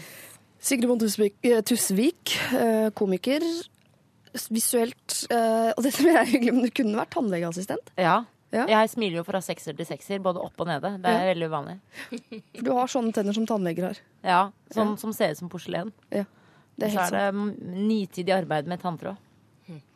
Eh, og Marta Breen, eh, journalist, eh, forfatter. Visuelt tenker jeg mm, blanding av småbarnsmor og popartist. Enig, det, det er på en måte noe Annie over deg. Ja, nei, det ja, tar er jeg liksom Hanne. Sørvåg òg, tenker jeg. Det er noe sånn Ok, inni det. ja. Ja, jeg det blir ikke overraska om jeg ser deg i Grand Prix 2013. Det, I sånn rosa skinnjakke. Og dyputringning. Ja, Vi gleder oss. Men nå skal vi ta et problem. Dagens første ordentlige problem, eh, folkens. Jeg leser. Her står det. Hei, Lørdagsrådet. Jeg er en jente på 20 år som har blitt dumpet av han jeg trodde jeg skulle være sammen med for alltid. Forholdet vårt var veldig bra. Begge er sporty, vi gikk mange turer og hadde god kjemi. Vi gikk på samme folkeskole i et år, men så begynte jeg å studere, og han ble hjemme og jobbet. Han er en sånn som interesserer seg for alt, men ikke bryr seg om noen ting. Alltid glad, men vanskelig å komme inn på. Nå har det gått tre måneder, og jeg drømmer fortsatt om han om nettene. Jeg tenker på han hele tiden om dagen, og jeg er ikke over han. I februar eh, er det fjorårstreff med folkehøyskolen, og jeg har stor trang til å se helt fantastisk ut. Vi har ikke snakket så mye sammen etter bruddet. Eh, Det klarer jeg ikke, jeg blir bare lei meg. Spørsmålet mitt er, hvordan skal jeg oppføre meg? Sist vi så hverandre, så kysset han meg, og alt var fint. Skal jeg fortelle han at jeg har savnet han ekstremt mye? Skal jeg unngå han? Hadde vært fint noen råd her. Altså, det er tre måneder siden det ble slutt, så det er ikke så lenge. Så vi kan ikke forvente å ha kommet over han. Og attpåtil så har du kyssa i etterkant, og da er man jo tilbake på en måte ved startstreken av den vonde perioden. Står og spoler i grusen i kjærlighetssorgen. Eh, Men nå skal de møtes, og det å se pen ut skjønner jeg. Det må hun bare gjøre. Men hvordan skal han oppføre seg mot han? Litt sånn normalt er lurt. Men det er så slemt å si. Hva Nei, men altså, Hun han har ikke gjort da, et eneste fremstøt, han, han typen. Jo, han har kyssa henne. Ja, men det er sånn. Sånn Ja, han det gjør. gjør jo gutter, liksom. Gutter bare for at det. er god stemning. Vi mannfolk gjør jo det. Gjør dere det? Bare sånn for å ikke liksom virke avvisende. For å slippe å prate Mm. og kan bruke munnen til noe Det var derfor du kyssa meg i sted. Må jeg stoppe munnen på, gir deg et kjøss. Jeg tar dette veldig veldig alvorlig, fordi jeg har vært i samme situasjon selv. Og jeg, det, jeg si mener jo at dumping er Det er så vondt, og det er så jævlig. Og det er bare dessverre én ting som hjelper, og det er å ikke begynne å lage masse sånne regler med da skal, jeg se, da skal jeg si sånn. Jeg skal være bare helt eh, kul. Jeg skal bare vise han at jeg er blitt supermye bedre. Eh, og du har jo egentlig ikke det. ikke sant? Det er jo det. Du tror at du har blitt supermye bedre, men mest sannsynlig har du blitt kjempetynn og skral ikke sant? fordi du er lei deg. Eller litt tjukk. Eller litt tjukk fordi du er lei deg. Og så, og så har du blitt liksom Du er egentlig en litt stussligere versjon av deg selv fordi kjærlighetssorgen har tatt over en del av sjela di. Så mitt tips er Ja, det er litt sånn som Hans Olav sier, at man må være normal. Eh, men jeg syns at hvis det kommer til en situasjon på den folkehøyskolereunionen at, eh, at dere sitter sammen eh, overfor hverandre eller et eller annet sted, så har du lov til å si 'jeg har savnet deg masse'. Eh, og da mest sannsynlig kommer du til å begynne å gråte. Og da må du på en måte tåle å stå i det. Hvis du har lyst til å si det, så begynner du å gråte. Og så blir du lei deg, men da må du på en måte ha funnet ut for deg selv at ja, da godtar jeg at jeg blir lei meg nå på denne Må ikke være flau over å ha kjærlighetssorg. Det må man slutte med. Og det må han også tåle. Og han er jo en kødd, og det er det som er det kjipe med å være den som dumper. Er at du må tåle å være drittsekken. Du må stå i drittsekkgjørma Ikke drive aleine. og kysse for å lage god stemning, liksom. Og da må, du enten, da må hun enten si Vet du hva, eh, jeg tror ikke vi bør liksom vi, Enten så må vi ikke kysse Hvis det blir sånn kyssing en gang til, da. Så må det da være det, Dette kan vi ikke holde på. Da må du stå imot det, for det er veldig veldig dumt. For det er som du sier, Siri, at da er man jo tilbake til start. Ja. Da må hun si Jeg merker at du prøver å kysse meg. Eh, Det betyr at vi er sammen igjen, bare så du vet det. Så hvis, jeg, hvis han da fortsetter å kysse, så er det greit. Men fy fader, det der er heavy shit. Og det er nesten sånn at eh, jeg hadde sagt til henne at hun ikke burde dratt. For det Ja, kommer får til å unng- Hva være tenker du om det. Martha? Å unngå han, er det en Ja, altså, løsning? Det er jo jo- veldig fristende. Jeg syns Sigrid var veldig moden her, da. For at, eh, jeg blir mer sånn ikke sant? Jeg been there, done that, og han begynner å bli gammel og sånn. Så jeg liksom du, det, det er jo ikke mannen i ditt liv. Hvis det har blitt slutt, og det er masse kluss nå, og du er liksom nettopp slutta på folkehøyskolen og sånn, da er man jo kjempeung, og man skal jo altså, Jeg vet jo at det blir jo ikke disse to. Hun skal jo videre. Skal jo være sammen med flere gutter før hun finner Så Ta gjerne en tur innom Afrika før du slår deg til ro. ja, jeg veit at dette ikke hjelper når du har kjærlighetssorg, men jeg bare tenker at det, å, liksom, Jeg veit det jo. Hun skal jo ha masse andre gutter, før, eh, eh, så drit i han. Men ja, det hjelper ikke. Jeg veit at det er skikkelig sånn å- Ja, for dette, føler jeg er sånn klassisk, ja, men dette er sånn klassisk Denne har Sigrid og jeg har vært borti før. At jeg nettopp sier det samme som deg. ikke sant? At du er så ung, og så går Sigrid rett inn i den der selvbiografiske, Ja. hvor det er umulig å krangle, for hun har vært der, liksom vært dypere nedi dette er enn noen andre. Så jeg bare Ja, dette Sigrid sier nå, om å bare la tårene strømme og sånn, det er kjempeflott. Men lage Sigrid. drama? Skal vi anbefale Nei, ikke, men sånn bare, Ikke lage drama. litt sånn innadvendte tårer. liksom Du kjemper imot, du er tapper, ikke sant? Så Mm. faller man for det. Ikke lage scene. Nei. Ikke lage scene. i Ikke lage scene. Og kan gjerne holde seg litt unna i starten. Mm. Og eh, spesielt hvis du merker at du blir drita, da må du i hvert fall holde deg unna. Da Ja, må du, og du må ikke, Ikke gå på konfronteringsveggen, den derre eh, 'Petter, kom hit. Jeg skal prate litt med deg.' Den må du ikke nei, gå på. nei, nei. Være vanlig, men gjerne også utebli, tenker jeg. Og, og da ringer han til slutt og bare 'Du kom ikke', liksom. Nei, men det, Jeg orker det er greit. ikke. Det er best sånn, liksom. Ikke, det er ikke noe Kan du ringe i forkant og si jeg ønsker å gå på den festen her, men jeg vil, eh, så du vet det, så syns jeg det er litt vanskelig å være i samme rom som meg, for jeg har ikke kommet over det. Ja, så vet det du det. Enig. At hun på en måte enig. advarer kjæresten med at jeg er fortsatt forelska, men jeg har lyst til å gå på denne festen allikevel. Enig. Så Hun burde sende en eh, hvis du ikke vil snakke med meg, så får du, det er det din jobb å holde deg unna. på en måte. For jeg kommer til å være etter deg som en hund. Gråtende hund. Ja, fader, ass. Det der er så heavy shit. Jeg føler så mye med det. Var det 14. februar? Ja, I februar sto det bare. Å ja. Ja. Får håpe ikke det er på Valentine's Day. da. Nei, det ikke? Nei, ikke, ikke den dagen, da. Jeg sier lykke til, eh, og ikke vær flau. Man skal aldri være flau over at man har kjærlighetssorg. Det kan man bare si høyt. Nei, Men jeg, det- jeg, syns, jeg syns du sa så mye fint, Sigrid, så jeg føler at eh, mm. min sånn kjerring Jeg trekker tilbake den Vi kan ikke konkurrere med Sigrid på dette her. Dere Da er konkluderer Du skal jo ha så mange mer flotte gutter i livet ditt. Bare faen ta deg. Rulle inn Assosen Krog. Dette er Lørdagsrådet På P3. P3. Kort, enkel liten eh, SMS. Eh, Hans Olav Brenner, Marta Breen og Sigrid Bonde Tusvik. Eh, Bare ta mer kanelboller hvis dere vil. altså. Ja, jeg er jeg er fysen. Fysen på det. Mm. Send bolleposen. Lørdager er liksom bolledag, da. Ja. Her er det en gutt på 24 som har sendt inn meldingen. Er det galt av meg å ønske meg en fuckfriend selv om jeg har dame? Og dette er jo et ja-nei-spørsmål som jeg er frista til å si ja på og gå videre med Adele. Men eh, hvis det er noen som har lyst til å si noe dypere eller mer, så for all, all del. Å, det er gøy. Altså En fuckfriend kan det, det kan ikke være en liten ting eller et eller annet. Det er et menneske vi snakker om her. Det er en venn du ligger med i tillegg til kjæresten din. Det syns jeg ikke er helt greit. Nei, det var Nå er jeg streng, da. spørsmål. Nei, det var ikke strengt. Altså, Man spør ikke om det er greit å ha det, han spør om det er greit å ha lyst på det. Å ja. ja. å ha lyst på det. ja, Men det ligger jo implisitt at man vil realisere det så fort muligheten åpner seg. Ja. Det er ikke greit. Hvor gammelt er mennesket? 24. 24 år, ja. Mennesket er 24.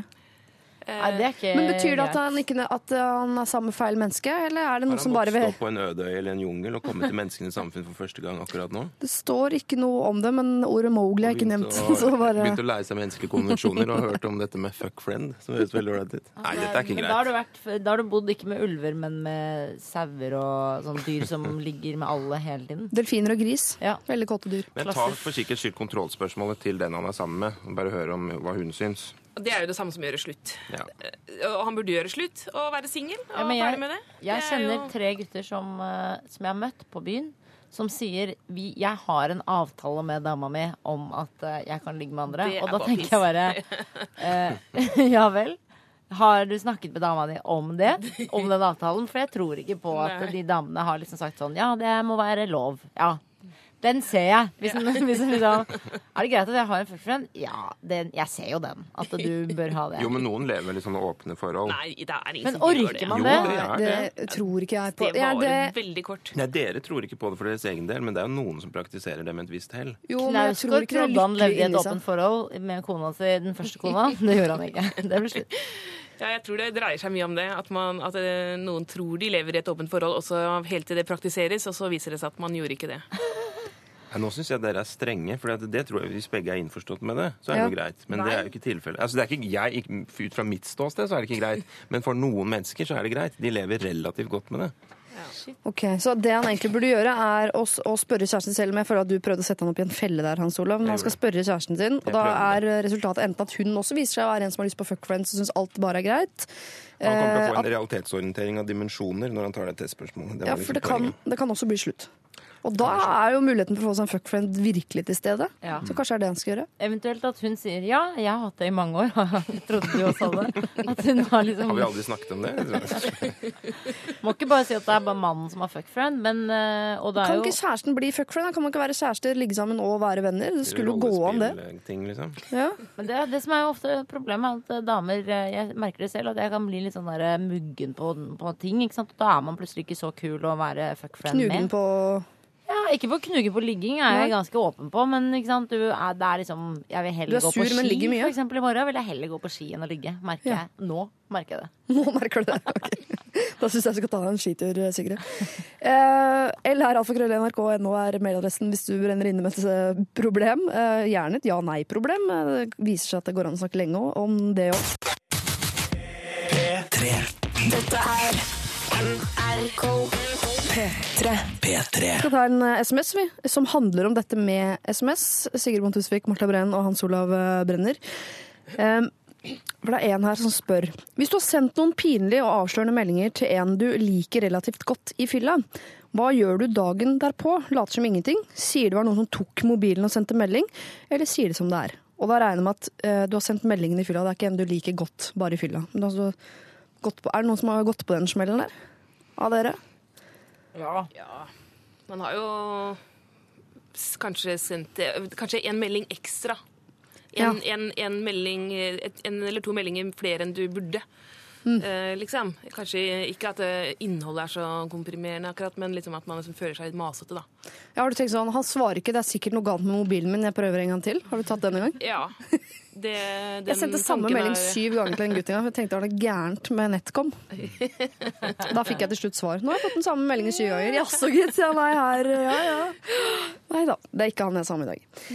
Eh, men hva gjør man da? Skal man ljuge seg ut av det, eller burde man bare stå for det man faktisk eh, eh, har sagt i fylla? Ofte så er det jo det man har sagt da, som man egentlig mener. Ja, derfor må man si Oi, jeg var eh, full i går. Mm. Sendte, merker at jeg har sendt deg en del meldinger. Det beklager jeg. Hilsen. Og så kan man slenge på sånn Hilsen stalker, Sigrid. Og sånn, altså at man liksom ironiserer over sin egen dumhet. Det tenker jeg du kommer deg litt ut ut å av det. si noe, da? Altså, hva, altså, situasjonen er at man oppdager at oi, jeg sendte tre meldinger i går som er litt elleville. Mm. Og så bare er man taus. Man trenger ikke å si noe. Og hvis det, det er et menneske du vet at du kommer til å møte igjen Neste gang du ser et menneske i øynene, så vet du sånn Du har fått tre meldinger av meg, du. Ja, som men du Det ikke har er svart gøy, på. og så blir det opp til den andre å ta det opp. Og så gjør vedkommende det, og så Å ja. Ja ja, fett, liksom. Jeg gjør eh, Jeg gjør mye rart, liksom. Hilsen stalker. Ja, men det er jo gøy. Trond. Jeg, altså, jeg og venninnene mine, da vi var single no, En er det ennå. Ja. Av de tre da, som jeg hadde avtale med, så hadde vi en avtale nettopp for å unngå å sende dumme SMS-er da til de vi var forelsket i. Så hadde vi avtale at eh, når det genet setter i, da, sånn halv tre, tre ikke sant? for det er jo da utestedet stenger, og da vil du gjerne ha tak i folk du er forelsket i. Ellers Eller så har du blitt sur, ikke sant? fordi den personen har gått. Så da, da må du sende SMS til venninna di.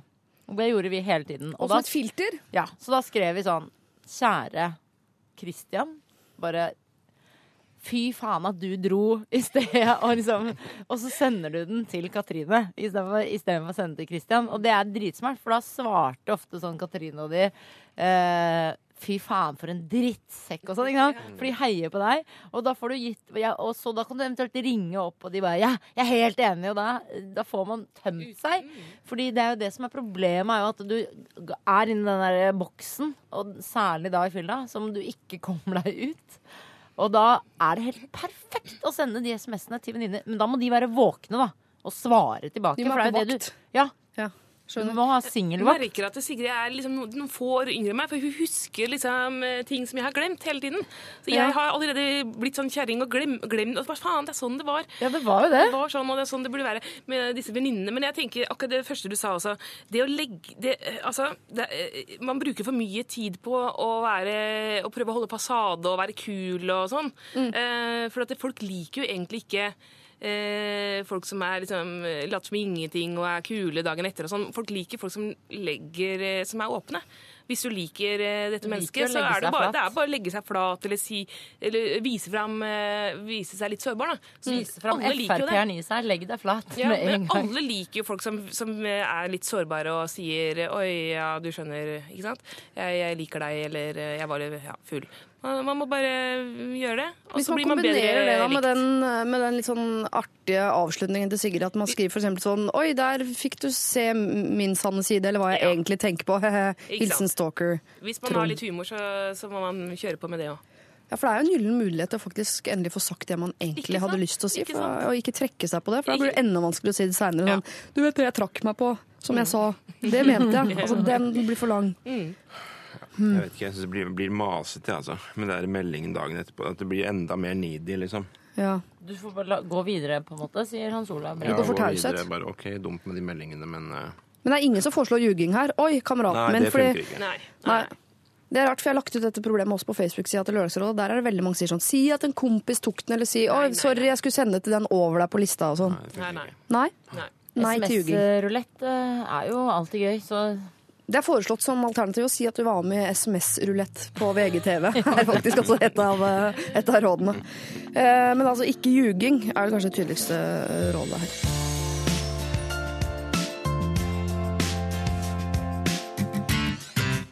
Eh, dere, Jeg skal bare ta en liten eh, oppsummeringsrunde. fordi Vi har fått inn en mail eh, fra en jente som jeg synes var så hyggelig. for Hun skriver Hei, kjære Rådet. Jeg sendte dere en melding eh, for en tid tilbake om min far som jobber på båt og ikke lenger bryr seg etter at han fikk seg ny dame. Jeg vil bare gi rapport til dere om at ingenting er forandret. Vi hører fortsatt meget lite fra han.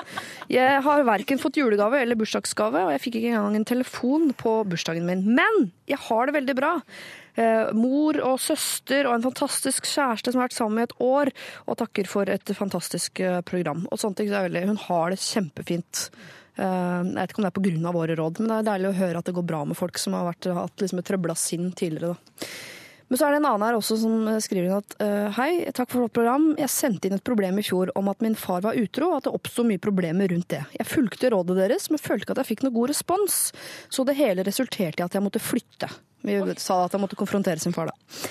Men det som er problemet nå er at etter all denne kranglingen med familien, opplever jeg en stor angst overfor spesielt nye mennesker, og det kan ta lang tid før jeg lærer å stole på noen. Har dere noen råd hvordan, eh, rundt dette med å bli tryggere på nye mennesker? Altså eventuelt bli trygg på meg selv, da. Hilsen trofast lytter. Hvordan blir man trygg på nye mennesker fort? Har dere noen kjappe råd på det? Oi, Nei. oi. Det var uh... jeg har ikke noe råd på det. Jeg vet ikke hvordan jeg skal løse det problemet. Det hørtes skikkelig heavy ut. Det var kjempeskummelt. Jeg, jeg tenker at eh, den personen må jo dra, flytte tilbake og jobbe mer med Det er tydeligvis langt inn i Altså, Man kan ikke flytte hjem igjen til far når man er voksen og har flytta ut. Synes Nei, jeg. Men flytta til en annen by, var det ikke det? Nei, han var flytta ut fra faren sin, flytt- ja, ja. de krangla sånn. Ja, men da må de bli venn. Det er jo det som ligger i bånn her, er det ikke det? Man blir venn med faren, og at tryggheten på andre mennesker også kommer tilbake med det. Tror du ikke det? Jeg, jeg syns at folk liksom overdriver litt det der foreldretingen. Da. Altså, det er ikke så, liksom, når man begynner å bli voksen, så får man eh, legge det bak seg. Liksom. Noen har, har godt forhold til foreldrene, noen har dårligere, noen Men liksom, man må komme seg videre. Så jeg tror ikke det er der løsningen ligger her. Eh, eh, trygg fort på nye mennesker, det er ikke sikkert man skal. Det er ikke alle som eh, bli, er Trenger det. bli det. Trenger ikke bli det. Trenger ikke ha sånn kjempestor eh, krets. Så lenge du er trygg på noen, og så får du begynne med det. Og så, Jeg vet ikke hvor vedkommende har flytta, men hvis man bor i kollektiv, for eksempel, så er jo det en måte å få seg liksom noen tette, nære bånd, kanskje. Eh, Men hvis det er sånn angst som dukker opp, det hørtes veldig, veldig skummelt ut. Ja, Det er veldig lett å bruke ordet angst da, hvis man syns det er litt skummelt å knytte seg til nye mennesker. Ja, Det blir liksom basale ting. Da ser for seg folk nakne, f.eks. Da blir de mer sårbare. Eller rett og slett tenke at de Uh, Alle er usikre. Alle er redde. Ja. Uh, og ikke pumpe så mye sånn emosjonalitet inn i situasjonene. For at man blir fort veldig følsom hvis det er veldig sånn eh, mettet fra før. Men tenk, ta alt i beste mening så langt det lar seg gjøre. Eh, og, og, og på en måte prøve så godt man kan da, å være rasjonell og droppe hvis man klarer det, å være emosjonell når man sier noe. Men er det ikke sånn at det tar lang tid å knytte seg til folk? Det er bare at noen tenker mer over det enn andre. Altså, det er ikke sånn at man blir knytta til folk med en gang. Det er ikke liksom en fotballtrening, og så er det gjort. Det er bare at noen problematiserer det, og andre tenker at ja, det er vel en del av det å bli venner-prosessen. Så kan bare ta tida til Og hjelp, det, for liksom. dette er helt allmennmenneskelig. ikke sant? For Uansett hvor flink du er sosialt, så kommer det jo stadig sånne situasjoner hvor du føler deg redusert til nesten ingen og kjempeusikker og alt det der. Det, er, det er the human condition. Ja. Til og med liksom det sosiale monsteret Sigrid Bonde Tusvik har sikkert sine øyeblikk, f.eks. på Costume Awards, hvor hun føler seg liten og redd og usikker. Jeg har jo telefonangst, for eksempel. Ja. eh, som jeg ikke vet helt hvordan jeg kommer meg ut av. av. Der bare bruker du ordet angst, uten at antakeligvis legen din er helt enig i det. Ja, enig. Da hadde han sagt sånn ta deg en joggetur. Hadde han sagt, ja, det kommer til å gå Ta bra. en yoghurt. Ja. Ja. Nei, men eh, jeg er enig. Hans Olav kommer med veldig fine råd der, altså. Se for deg dem nakne. Husk at eh, i Norge er det vanskelig Hans Olav brenner. Driver du med det, Hans Olav? Det er veldig vanskelig for oss jentene i studio. Ja, men jeg, synes, jeg ble litt overrasket selv at det rådet liksom kom først, for det kom litt bardus. Men det er bare at eh, jeg husker at hun Hanna Kvanmo, som var veldig sånn stor SV-politiker i sin tid, Ja. når hun skulle begynne på Stortinget, så var hun redd for alle de andre mannlige stortingspolitikerne. Og da så og du sånn. for deg hendene naken? Da så jeg for meg henne naken. Nei, men da hadde hun en sånn øvelse med å se for seg alle de mannlige stortingsrepresentantene nakne. Ja. Eh, og da hadde de kanskje ikke noe sånn kjempefysikk, da, men da ble all angsten forsvant, liksom. I løpet av et dødsbra råd. eh, Det må personen begynne med. Ja, jeg også ser for seg politikere nakne, så jeg skal gjøre uansett om vi trenger det for å, å dempe angst. eller hva på måte. Det er jo underholdende, så det holder. Da blir jo Dagsnytt 18 straks mye morsommere å se på. Ja, absolutt. Da skjønner vi hvorfor de droppa lyssetting og sminke og sånn på det programmet der. OK. Dette er Dette er P3. Eh, vi går rett på et nytt eh, problem. Jeg har allerede sagt at det dreier seg om, eh, om kattepus. Hans Olav, har du eller har hatt katt? Oi, oi, oi. oi. Eh, Det er et ja-nei-spørsmål. Ja, ja, jeg hadde katt i alle de år til min mor tok livet av den. Oh, det vil jeg egentlig gjøre mer om, men det må vi ta etterpå. Eh, Marta Breen, eh, har du eller har du hatt katt? Jeg har hatt katt i veldig mange år i oppveksten. Ja. Sigrid? Jeg har hatt så mye katt, altså eh, en katt i 18 år, at eh, vi behandlet den som eh, en bror Ja. og sønn i familien. Ok. Og pappa hatet den. Ja, litt sånn som det er hjemme hos oss. Ja. Ja, min samboer har katt. Jeg hater den, selv om jeg er kattemenneske og oppvokst med katt. Men akkurat den Det må være lov å skille katt fra katt. Ja, ja. Det fins bra katter, og det fins dårlige katter. Ja. Ok, jeg leser. Jeg er en jente på 28 år som har en nydelig langhåret kattepus. Vi bor i et hus med to leiligheter, og katten har begynt å gå inn til naboen. De har blitt veldig glad i henne, og hun er hos dem hele dagen mens vi er på jobb. Naboen kommer da over med henne på ettermiddagen, banker på døra, setter katten utenfor og stikker. Da vi skulle reise vekk noen dager, spurte vi naboen om de ville passe katten, noe de hadde veldig lyst til. Da vi kom hjem, fikk vi sjokk. Kattedoen var fylt til randen av katteavføring. Det er noe av det ekleste jeg har sett, og det stinket. Noen måneder senere spurte jeg igjen om hun ville passe katten, eh, noe de hadde veldig lyst til. Jeg gikk da til innkjøp av masse utstyr for å fjerne kattebæsj på minst mulig ekkel måte, som jeg ga da til naboen sammen med kattemat og lignende. Jeg tenkte at de ville komme til å ta et hint, men det gjorde de ikke. Kattedoen var igjen full til randen, og dette har nå skjedd et par ganger. Hva syns dere i Lørdagsrådet at jeg skal gjøre? Bør jeg si til naboen at de må fjerne tiss og bæsj i kattekassa, eller skal jeg finne noen andre langt unna som kan passe katten vår? Hver gang de har passet henne, så pleier jeg å gi dem en flaske vin eller en fruktkurv, så det er ikke det at jeg ikke setter pris på at de faktisk passer henne, men det innebærer jo litt ansvar fra deres side også. Gjør det ikke? Hilsen Crazy Cat Lady. Det har hun skrevet selv, altså. Jeg har, jeg har ikke noe oppfølgingsspørsmål. Kan vi bare Skal vi Altså, altså, Ja. Nei, jeg bare tenker at man kan ikke altså, Bare kattedo er et sånn ord som jeg ikke fikser. Altså, jeg syns ikke man kan ha katt inni. jeg. Jo, man kan ha katt inne, men ikke kattedo inne. Man, må- man må ha, bo så grisgrendt når man har katt, at den kan løpe ut i den frie naturen og gjøre fra seg der. Jeg, altså Kattedo det er helt grusomt. Ja, visst sagt det, altså jeg har kortet ned denne mailen litt. De har sånn katteluke, så katten er mye ute, men den kommer inn for å bæsje. Ja, det er Det er grusomt. Det, er jo, det kan man jo ikke gjøre noe med når, når den katten har vent seg til det. Og det, vi hadde også kattedo hjemme i vårt hus, selv om eh, Isis, som er vår katt, eh, eh, var mye ute. Men eh, i vår familie så takler vi av en full kattedo. Eh, og ja, det lukter, eh, og det er et problem, men når du er på ferie, eh, så er ikke det så stort problem. Ok, det lukter skikkelig dritt når du kommer tilbake, men det er som å ha glemt søppelposen ikke sant, når du Ja. har dratt på ferie. Ja. Og eh, det kan jo hende at de menneskene er litt mer sånn naturmennesker enn det hun er. Så det kan hende at hun er litt for opptatt av at den katten skal være ren, fordi man må huske på at katten er et dyr. For den katten så gjør det ikke så veldig mye at det er mye drit i den eh, Blir det for ekkelt, så finner han vel en annen do, Ja, da og går den synd det ut. er sofaen. Ja. Ja. ja og, og katter Enig. Kan forholde seg til naturen på en litt annen måte enn det eh, kattegærne mennesker gjør. Men ville du, Martha, i utgangspunktet, ville du ha passa katten til naboen din? Aldri. Eh, ikke interessert i dyr, og i hvert fall ikke andres dyr. Men, men eh, altså, for det første så kan det jo hende at disse folka ikke veit eh, at det fins utstyr for å liksom eh, rengjøre den doen De underveis. har jo fått det i de- en bærepose sammen med kattemat. Ja, men Da må de få en opplæring, da, hvis det er veldig viktig. Da kunne de i hvert fall uh, fortalt at det, sånn gjør man det, så hadde det vært lettere. Uh, men når det er sagt, så syns jeg at uh, hun crazy Nei, det var cat, Crazy cat lady. home lady. Burde være veldig takknemlig for at hun i det hele tatt har noen som kan passe den katten. Det er ikke så lett i byen. Så, og som Sigrid sier, når du er på ferie, liksom Du har liksom skaffa deg en sånn, et sånn fengsel som det er å ha dyr, som egentlig gjør at man kanskje ikke kan dra på ferie, og så har du allikevel barnekattevakt. Nei, hun burde være takknemlig og fornøyd. Og Det er ingen som lider her. Det er leiligheten hennes som lider litt av lukt. Det er det Ja. eneste. Den katten klarer seg helt fint én uke med litt drit i den kassa. Bare fordi at de naboene ikke er helt Jo, men, jeg mener det helt alvorlig. Kan man, at, eh, man kan ikke forvente at naboen skal passe katten. Det mener jeg, for det er en skikkelig kjedelig jobb å gjøre. Men kan man, hvis de er så greie at de passer katten, kan man forvente at de skal eh, plukke opp bæsj Nei. etter dyret ditt? Nei, nei.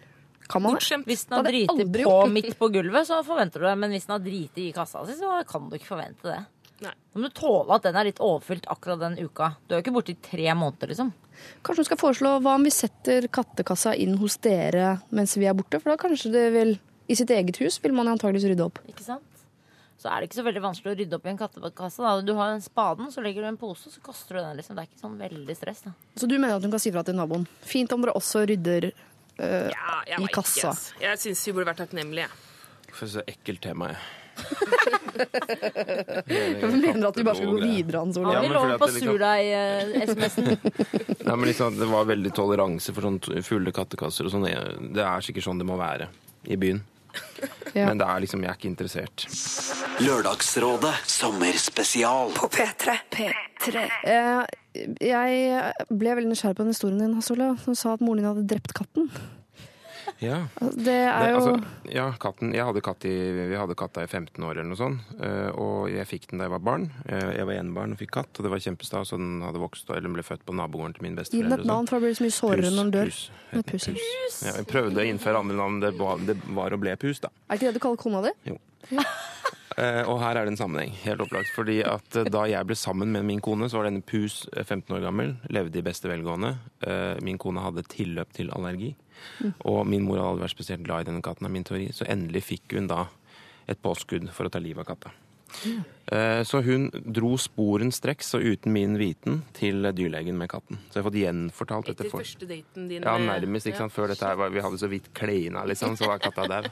Nei, men så, så vi, vi dro eh, Nei, men mamma dratt til dyrlegen med katten, og så idet hun skulle gå inn til dyrlegen, så hoppet den visstnok, dette er et vitne som har fortalt, ut av armene til mamma og ned på bakken for å unnslippe, Skjønner hva som skal skje. 15 år gammel katt. Og så er det et lite barn som roper Se! Den nydelige lille kattungen. Og så sier mamma nei, det er en syk gammel katt som må dø. Og så tar mamma med får liksom katten opp i favnen igjen og inn til dyrlegen. Og bare, og dyrlegen bare ja, OK, den skal dø fint sånn. Eh, men vi må ta en rutinemessig kontroll. Nei, det er helt unødvendig. Den er veldig, veldig syk, sier mamma. Og så Nei, vi må ta rutinemessig kontroll. Det er liksom en del av veterinærens eh, faggreie. Så han bare Nei, den er helt frisk, liksom. Den er helt sykt frisk, den katten. men ja, men like den må dø, liksom. Trenger ikke tannregulering engang. Liksom. Det er ikke noe som Og så kommer jeg hjem, da, og så skjønner jeg at eh, altså, Det er sånn aura av tomhet i hele huset når jeg kommer hjem. Hun tok det, Klivan. ja, den ble, den ble drept, da. Deilig. ja, For det gjør veterinærer på Altså, de er øh, betalte under bordet, da. Bare jo, Ja. jo, den skal dø, liksom. Nei, det er ikke noe sånn, Man må ikke liksom ta det under bordet. Man, kan, man, må, ikke ha en del av man må ikke ha skjellig grunn for uh, kattedrap. Det er bare å levere inn. Det er bare å levere inn hos dyrlegen. kjøttkverna hos dyrlegene. Det er opp til din egen moral. Men Så da ble Pus borte etter 15 år. Kunne ikke tenke meg å ha hatt en ny katt på noen som helst slags måte. Men var, ble du lei da? Ja, jeg ble lei meg. Og, men jeg hadde rukket å ta bilder av den fra alle vinkler altså på å si, før den gikk bort. Sånn jeg har jo Nei, jeg Er, også du nervøs for hva som vil skje hvis øh, du selv blir litt syk en dag? eksempel? Hvordan moren din vil reagere? Ja, det kan du si. Kan Han er si. syk. Ikke ta rutinekontroll. Han er syk. Han er syk. Dra ut kontakta. Sønnen min er syk. Neida, min mor er et meget hjertevarmt, hjertevarmt menneske. Men hun, er, hun har sykepleierens eh, rasjonelle innstilling til tilværelsen også. Det er det verste jeg har hørt i hele mitt liv. Sånn altså, jeg meg selv, jeg er veldig glad i dyr. Jeg er veldig glad i dyr, men jeg er veldig opptatt også at det er dyr. Så de, eh, som menneske så forbeholder jeg meg retten til å drepe dem. Sånn er det bare. Man er er oppvokst på gård, ikke sant. Det er ikke noe sånn, det er ikke noe knussel. Du spiser jo pinnekjøtt til jul, liksom, så du må jo tåle at dyr blir drept. Ja, ja. Min drepte også katten vår, altså, men det var ikke så dramatisk. Nei. Det var eh, at uh, hun hadde flytt, vi flytta fra villa til leilighet. Og så i den flytte, var så mye styr med den flytteprosessen at jeg la ikke merke til det. Og det var det jeg hadde mest dårlig samvittighet for. At det Ja. gikk liksom to måneder før jeg sa 'hvor er katten'? og da var det liksom Nei, den leverte vi inn. Så Levert inn, ja. ja. Bare språkbruken er jo helt sånn Eh, Jeg hadde hatt katt i mange år når vi flytta fra rekkehus til, eh, til eh, liten leilighet. Så, altså type så liten at mor sov på stua. Og da uh, ga jeg katten til naboen i rekkehuset, sånn at den kunne få lov til å bo der den alltid hadde bodd, sammen med sine venner. Det var en hyggelig historie. Ikke for å sette meg selv i et godt lys, men jo, Jo. litt derfor.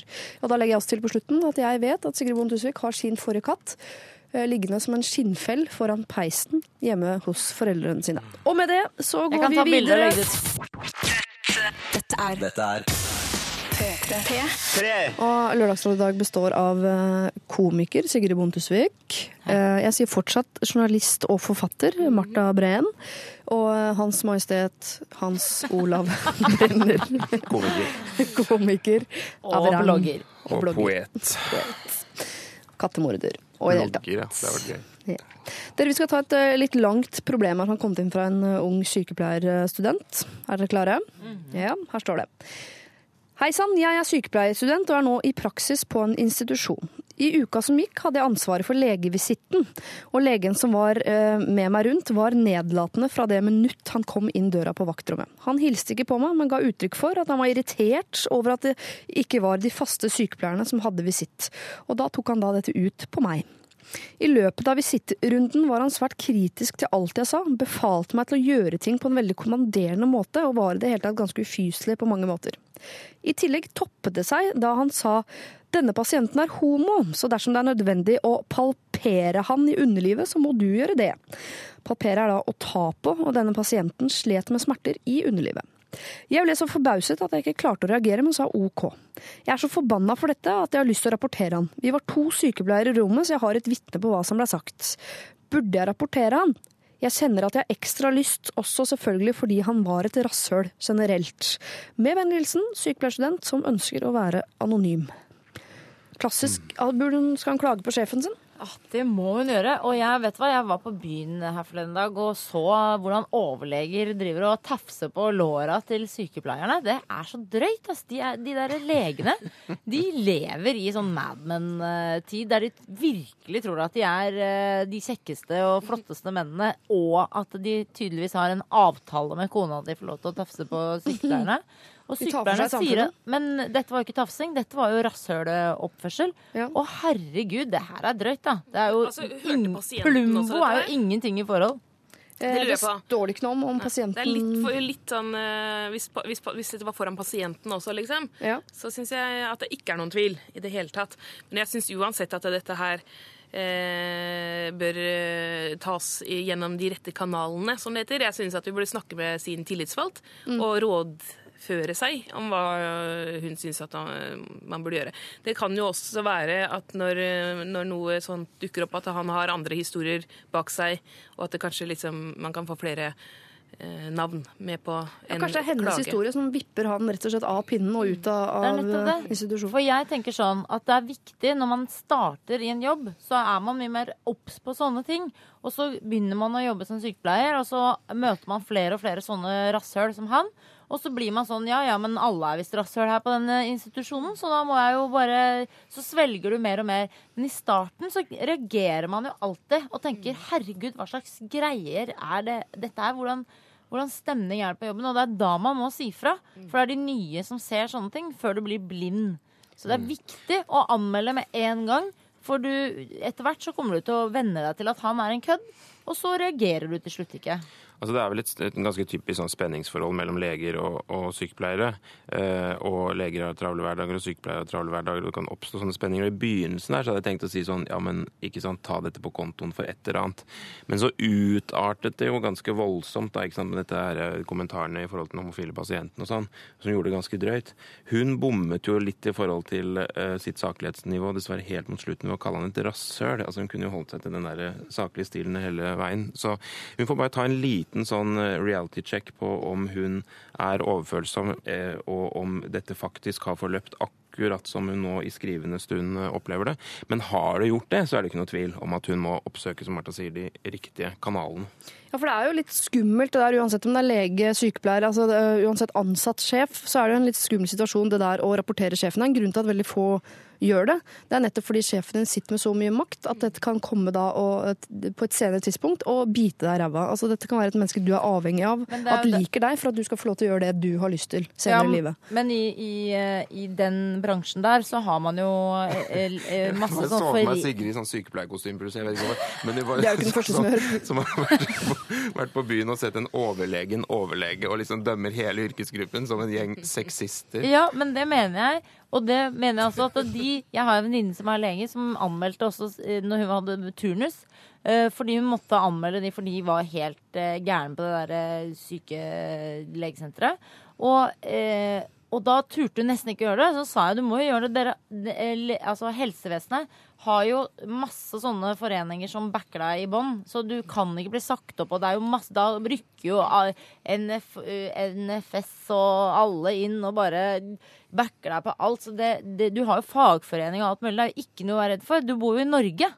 Ok, Du kommer til å bli upopulær, selvfølgelig, men det må du fader meg tåle hvis du som, eh, er irritert på han fyren. Det der med varsling er jo veldig veldig viktig, ikke minst i helsevesenet. Og det har jo kommet fram uh, i det siste at det er uh, veldig vanskelig å varsle i helsevesenet. Mange som ikke tør, uh, og mye som går som man later som ikke skjer. Så jeg er i, i utgangspunktet veldig for at man skal varsle om alt mulig. Men akkurat når det gjelder denne jenta, nå er det jo en gang sånn at legene er jo ikke sjefen til, sjefene til Ja, sykepleierne. man er over henne i Han henne. maktposisjon, måte. Absolutt. Men hun eh, burde eh, gå til eh, sine egne og snakke om det, og, og ikke liksom i, i aggresjon bare kaste seg For man må liksom hun, hun skal jo kanskje jobbe videre på dette sykehuset, og man må jo vurdere Man må jo tenke nøye over hva man gjør.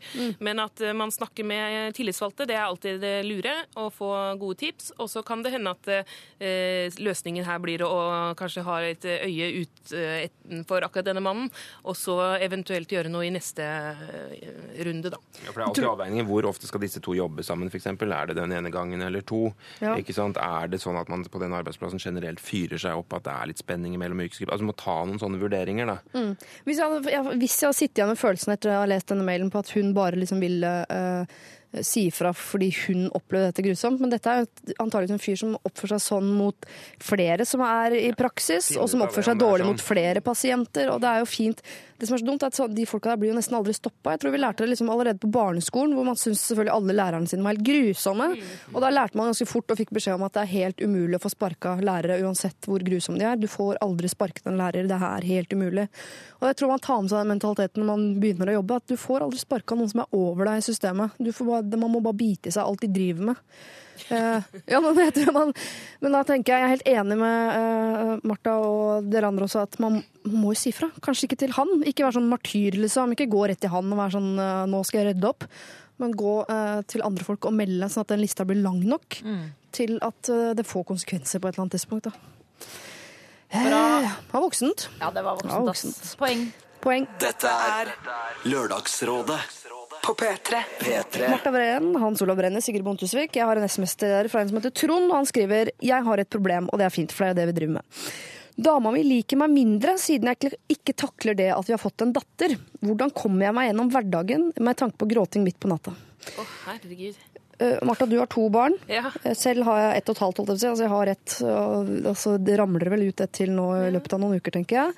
Um, kom man seg gjennom det greiene der? Altså, nå skjønner jeg, altså, Det at jeg har fått en datter, det var, ikke- det var liksom det at jeg har fått en unge. Det var ikke det at det var en en datter. Det- Nei, ja, arving. han, at han ikke takler det at han har fått en unge. Mm. Og så lurer han på hvordan ha, Hvordan kommer jeg meg gjennom hverdagen? Ja. Han syns hverdagen har blitt tung, for det er så mye ja, gråting. Ja, ja, ja, det har det. Herregud. Jeg er jo helt i gjørska her egentlig, liksom. Jeg har vært våken halve natta.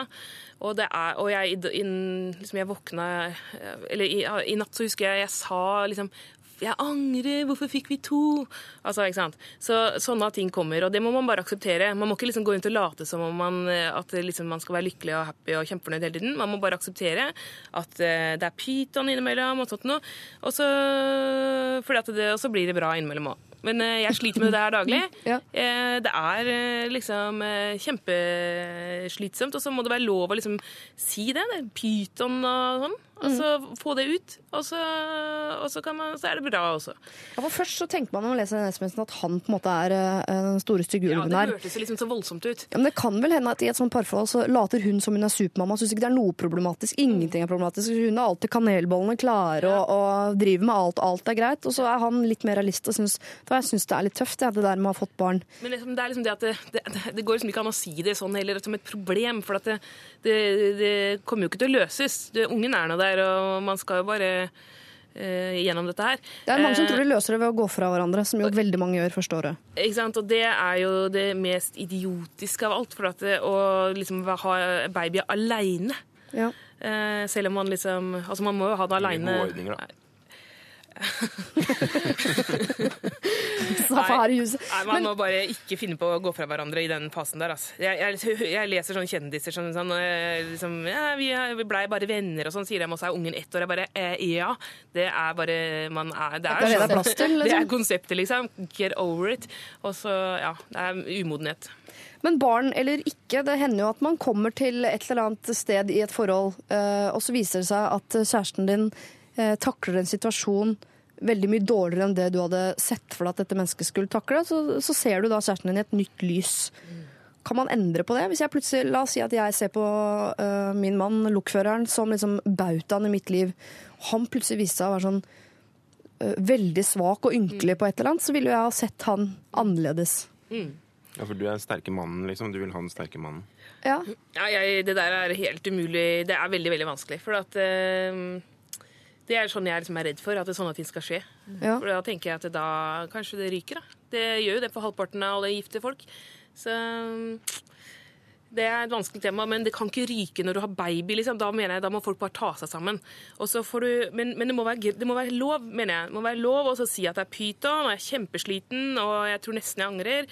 Eh, og det, må være lov, for Hvis man skal gå rundt og late som om, om det er sånn lykkeboble og, og med cupcake-damer og sånn, så, så sprekker det, liksom. Og da Ja. tror man plutselig at det, oh, shit, det er jeg. jeg. Jeg takler ikke dette. Det er ingen som takler det hele tida, liksom. Man holder stammen til konfirmasjonen, i hvert fall. Ja. Ja, Dele på utgiftene der. Det er sånn som eh, Eller sånn til barna blir voksne, så rett på skilsmisse. Er, da føler man seg ikke lurt som unge.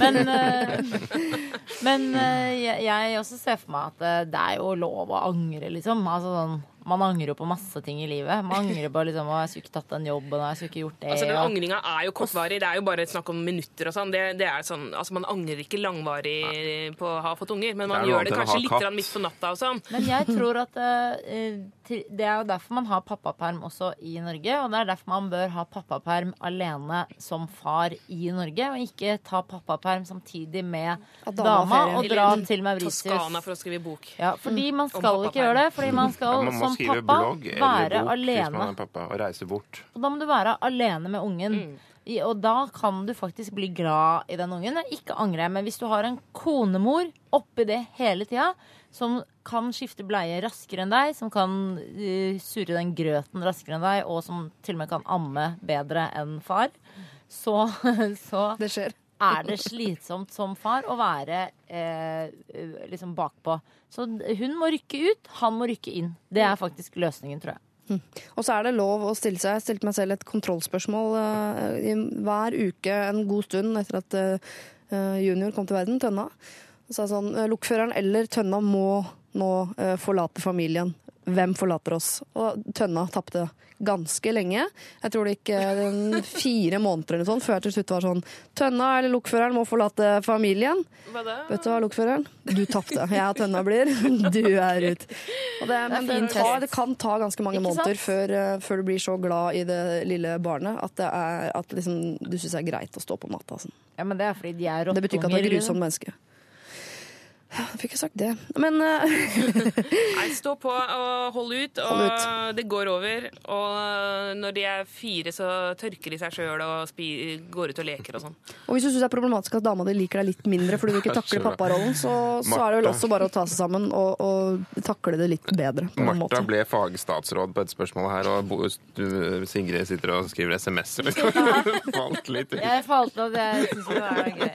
Dette var kjedelig. Dette er P3. Eh, vi har fått inn et problem via Lørdagsrådet sin uh, usle, uh, spede lille nettside, som vel mer kan kalles en, eh, en eh, plakat, vil jeg kalle den nettsiden. Der vi, altså, vi har noe å lære av deg der, eh, blogger Marta Breen. Ta Fyll på litt sånn underveis. Jeg skal ta det opp til etterretning i 2012. Hei! Jeg har et problem som gjelder min beste venninne. Hun har nemlig en kjæreste som hun har vært sammen med i to år, som jeg vet at ikke er bra for henne. Jeg føler at han begrenser henne, og de krangler mye. Han setter ikke pris på henne og de tingene hun gjør for han, og det sårer meg at hun tråkker i et sånt dårlig forhold.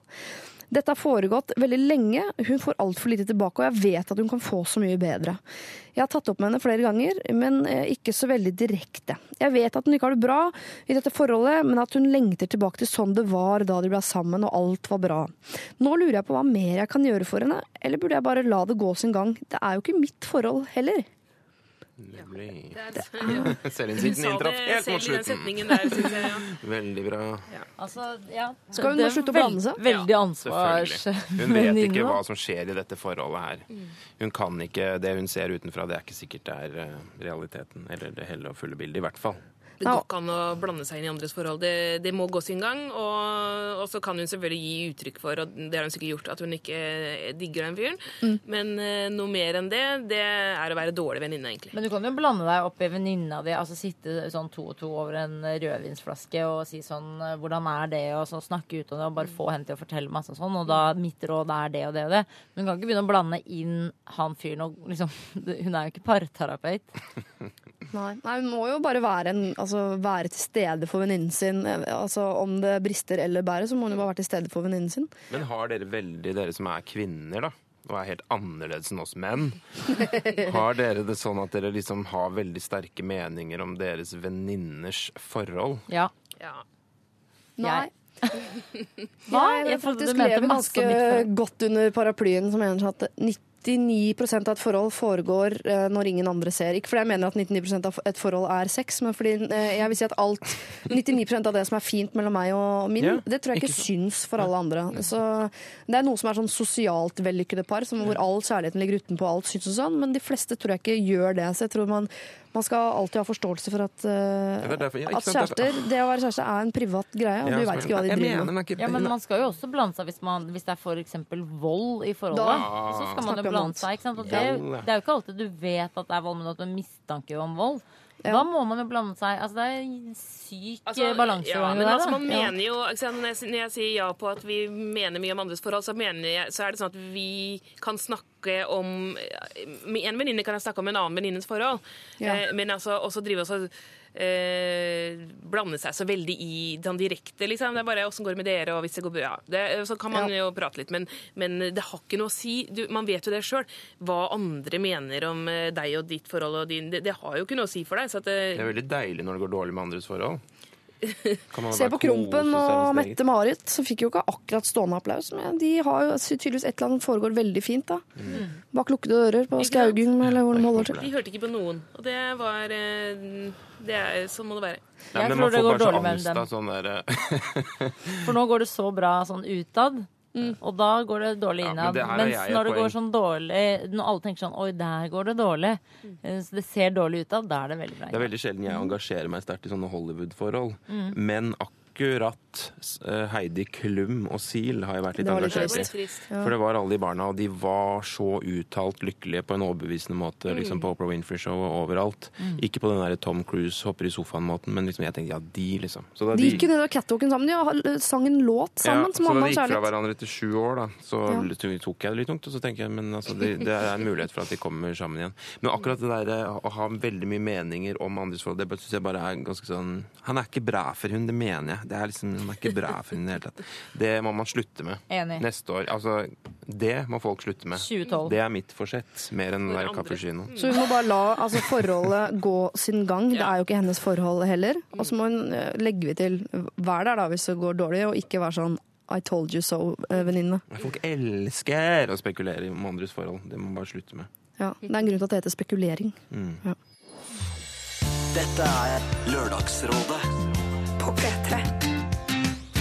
P3. Jeg leser en SMS jeg, som uh, dagens rådgivere, uh, Hans Olav Brenner, Marta Breen og Sigrid Bonde Tusvik, skal få lov til å, eh, bryne dere på. Her står det. Jeg har vært sammen med typen min i et år nå, og vi har det fantastisk. Han har lagt seg ut noen kilo, og det syns jeg bare er råsexy. At jeg har gjort det samme, syns jeg derimot er problematisk. Han sier ingenting, men jeg lurer på hvorfor det plager meg at jeg blir større, når det ikke plager meg at han har blitt større, og det heller ikke plager han at jeg har blitt større. Og så videre. Susanne. Fordi du er jente. Ja, det var jo veldig Hvorfor godtar hun hans kiloer bedre enn sine egne? Fordi det er noe som Sånn heter sånn moteblader, eh, som har fucka opp hodet ditt fra du var null år. Og så er det dette sånn evolusjonsmessig sånn at en kvinne må holde seg attraktiv, og mannen eh, eh, ha, Altså kvinnen vil holde på mannen, og hvis han da blir tykk og sedat og uattraktiv for andre, så er det, er det bra for eh, kvinnen. Se sånne amerikanske par på bryllupsreise. Du ser for deg at liksom to måneder før så har begge vært kjempefine, og plutselig har han blitt kjempetjukk, og de er så happy. Jeg har sett dem i Venezia annet. Eh, og mennene er så tjukke, og alle er glade. Å, det er fint. Er Men det altså Jeg har lagt meg ut selv. For det første så mener jeg at det, man legger på seg Det er lykkekiloene. Og det skal man sette pris på. For da er du lykkelig, og du har det bra. Og hvorfor skal du være skrapa tynn eh, når ikke det har noe å si på lykken din som du er i det forholdet? Men hvis du f.eks. blir ulykkelig av de kiloene at du liksom hvor mange kilo det er snakk om. ikke sant? Og hvis du plages og plages, og du blir mindre altså liksom det, det, du, får ikke, du liker ikke deg selv i det hele tatt, og sånn, og kanskje da to kilo ned, så er du oppe og går liksom igjen, jeg vet ikke, så, er, så bør man kanskje da liksom ta den derre lille eh, havregrøten til Hans Olav eh, i to-tre måneder, da. Eh, og så kanskje er- føler du at du er litt mer fresh. Jeg vet ikke hva som skal til, da. Men det høres jo veldig, veldig, veldig kult ut at du digger at eh, kjæresten din har blitt eh, større. Ja, det, det, det er jo litt eh, sjarmerende akkurat det da, med at man liker sånn bamse... Jeg ser for meg det der Kongen av Queens-paret. Men, eh, men, det- men det der at det, liksom, det er mer greit med tjukke gutter enn tjukke jenter, er jo synd. Jeg, jeg hadde en, Siden vi snakker om bloggen min, jeg hadde en bloggpost her som jeg synes var som jeg, jeg blogga et sånn tegneseriebilde som Liv Strømquist har lagd av Barbapappa. Så eh, Barbapappa er jo da en svær, ro, lyserosa, boblete, tjukk figur som det er sammen med en sånn svart, litt sånn pynta, nett jente med mid, sånn slank midje. Og, og hun spør jo da liksom, er dette liksom sex, et bilde på sexturisme, og hvorfor kan liksom eh, sånne tjukke, lyserosa gubber få sånne sn- snertne Asiatiske Eh, altså, ja, Barbara ikke sant? Eh, Jeg syns jo det er eh, At det er litt kjipt, da. At eh, det liksom skal være kompatible, mens du aldri ser det motsatt. Så Ja, Så jeg jo- syns at hun eh, burde holde på sine egne kilo, men få gubben til å slanke seg. Jeg syns hun burde bli er tjukkere og tjukkere, ja, og så, så pese han rundt opp på en tredemølle. Å, det er. Det er ganske ble- mange sånne serier hvor han er tjukk og hun er tynn, men jeg har aldri sett motsatt. Nei. Har ikke altså. Men for jeg ble blant annet øh, tjukk selv Gratulerer. eh, for noen år siden. Du er dritsexy. Tusen takk. Så, eh, så det er fort gjort. Vi, altså, jeg var med som sånn spouse til Stockholm, og min kone hadde masse å gjøre. Jeg hadde spouse? ingenting, altså En ektefelle på tur. Jeg var Arne Olav Brundtland, hun hadde masse å gjøre. Jeg hadde ingenting å gjøre. Så spiste jeg varm lunsj hele dagen og la på meg åtte kilo i løpet av et halvt år. Oi. Så det var ganske, ganske vanskelig. Da ble jeg utrolig sexy. ikke sant? Nei, men da, da sier man til den man er sammen med Nå er jeg blitt tjukk, sier man. Og så sier Nei, jeg syns du er fin, jeg. Får du høre da rituelt sånn stivt. Men du vet at det er løgn. Jeg elsker deg uansett. Uh, Hjemme hos oss er det jo omvendt. Jeg har jo sånn Birken-mann som jo er uh, fitt som en, uh, En strek. som en strek hele året. Så vralter jeg sånn halvmeter bak. Alltid sånn litt gravid eller akkurat vært gravid eller ja, andre unnskyldninger som man kan komme på. Hvetebakst og du vet. Nå må jeg gå. Må du gå? Ja. Ja. Jeg, jeg går fra radioprogrammer. Jeg, jeg tar ikke med meg jeg, jeg, jeg må videre i livet. Du skal på TV i stedet. Du bytter radio med TV. er Jeg det bytter liksom- radio med TV. ja. ja, men det er helt greit. Det var en del av avtalen, Sigrid. Jeg skulle få lov til å komme og gå som du ville. Jeg, må, gå jeg må og og trene. Jeg må gå og trene. Kan ikke sitte her og spise kanelboller. Nei, Vi har et åpent forhold, så hvis du trenger å gå og være sammen med noen andre litt for å være lykkelig, så er det greit for oss. Det må være lov. Ja, det må være lov. Men uh, fortsatt god lørdag. Og god helg. Får vi Ses i klem, får skispor i morgen. når du går ut? Ja, ja, ja. Alle får klem. Dette er NRK P3.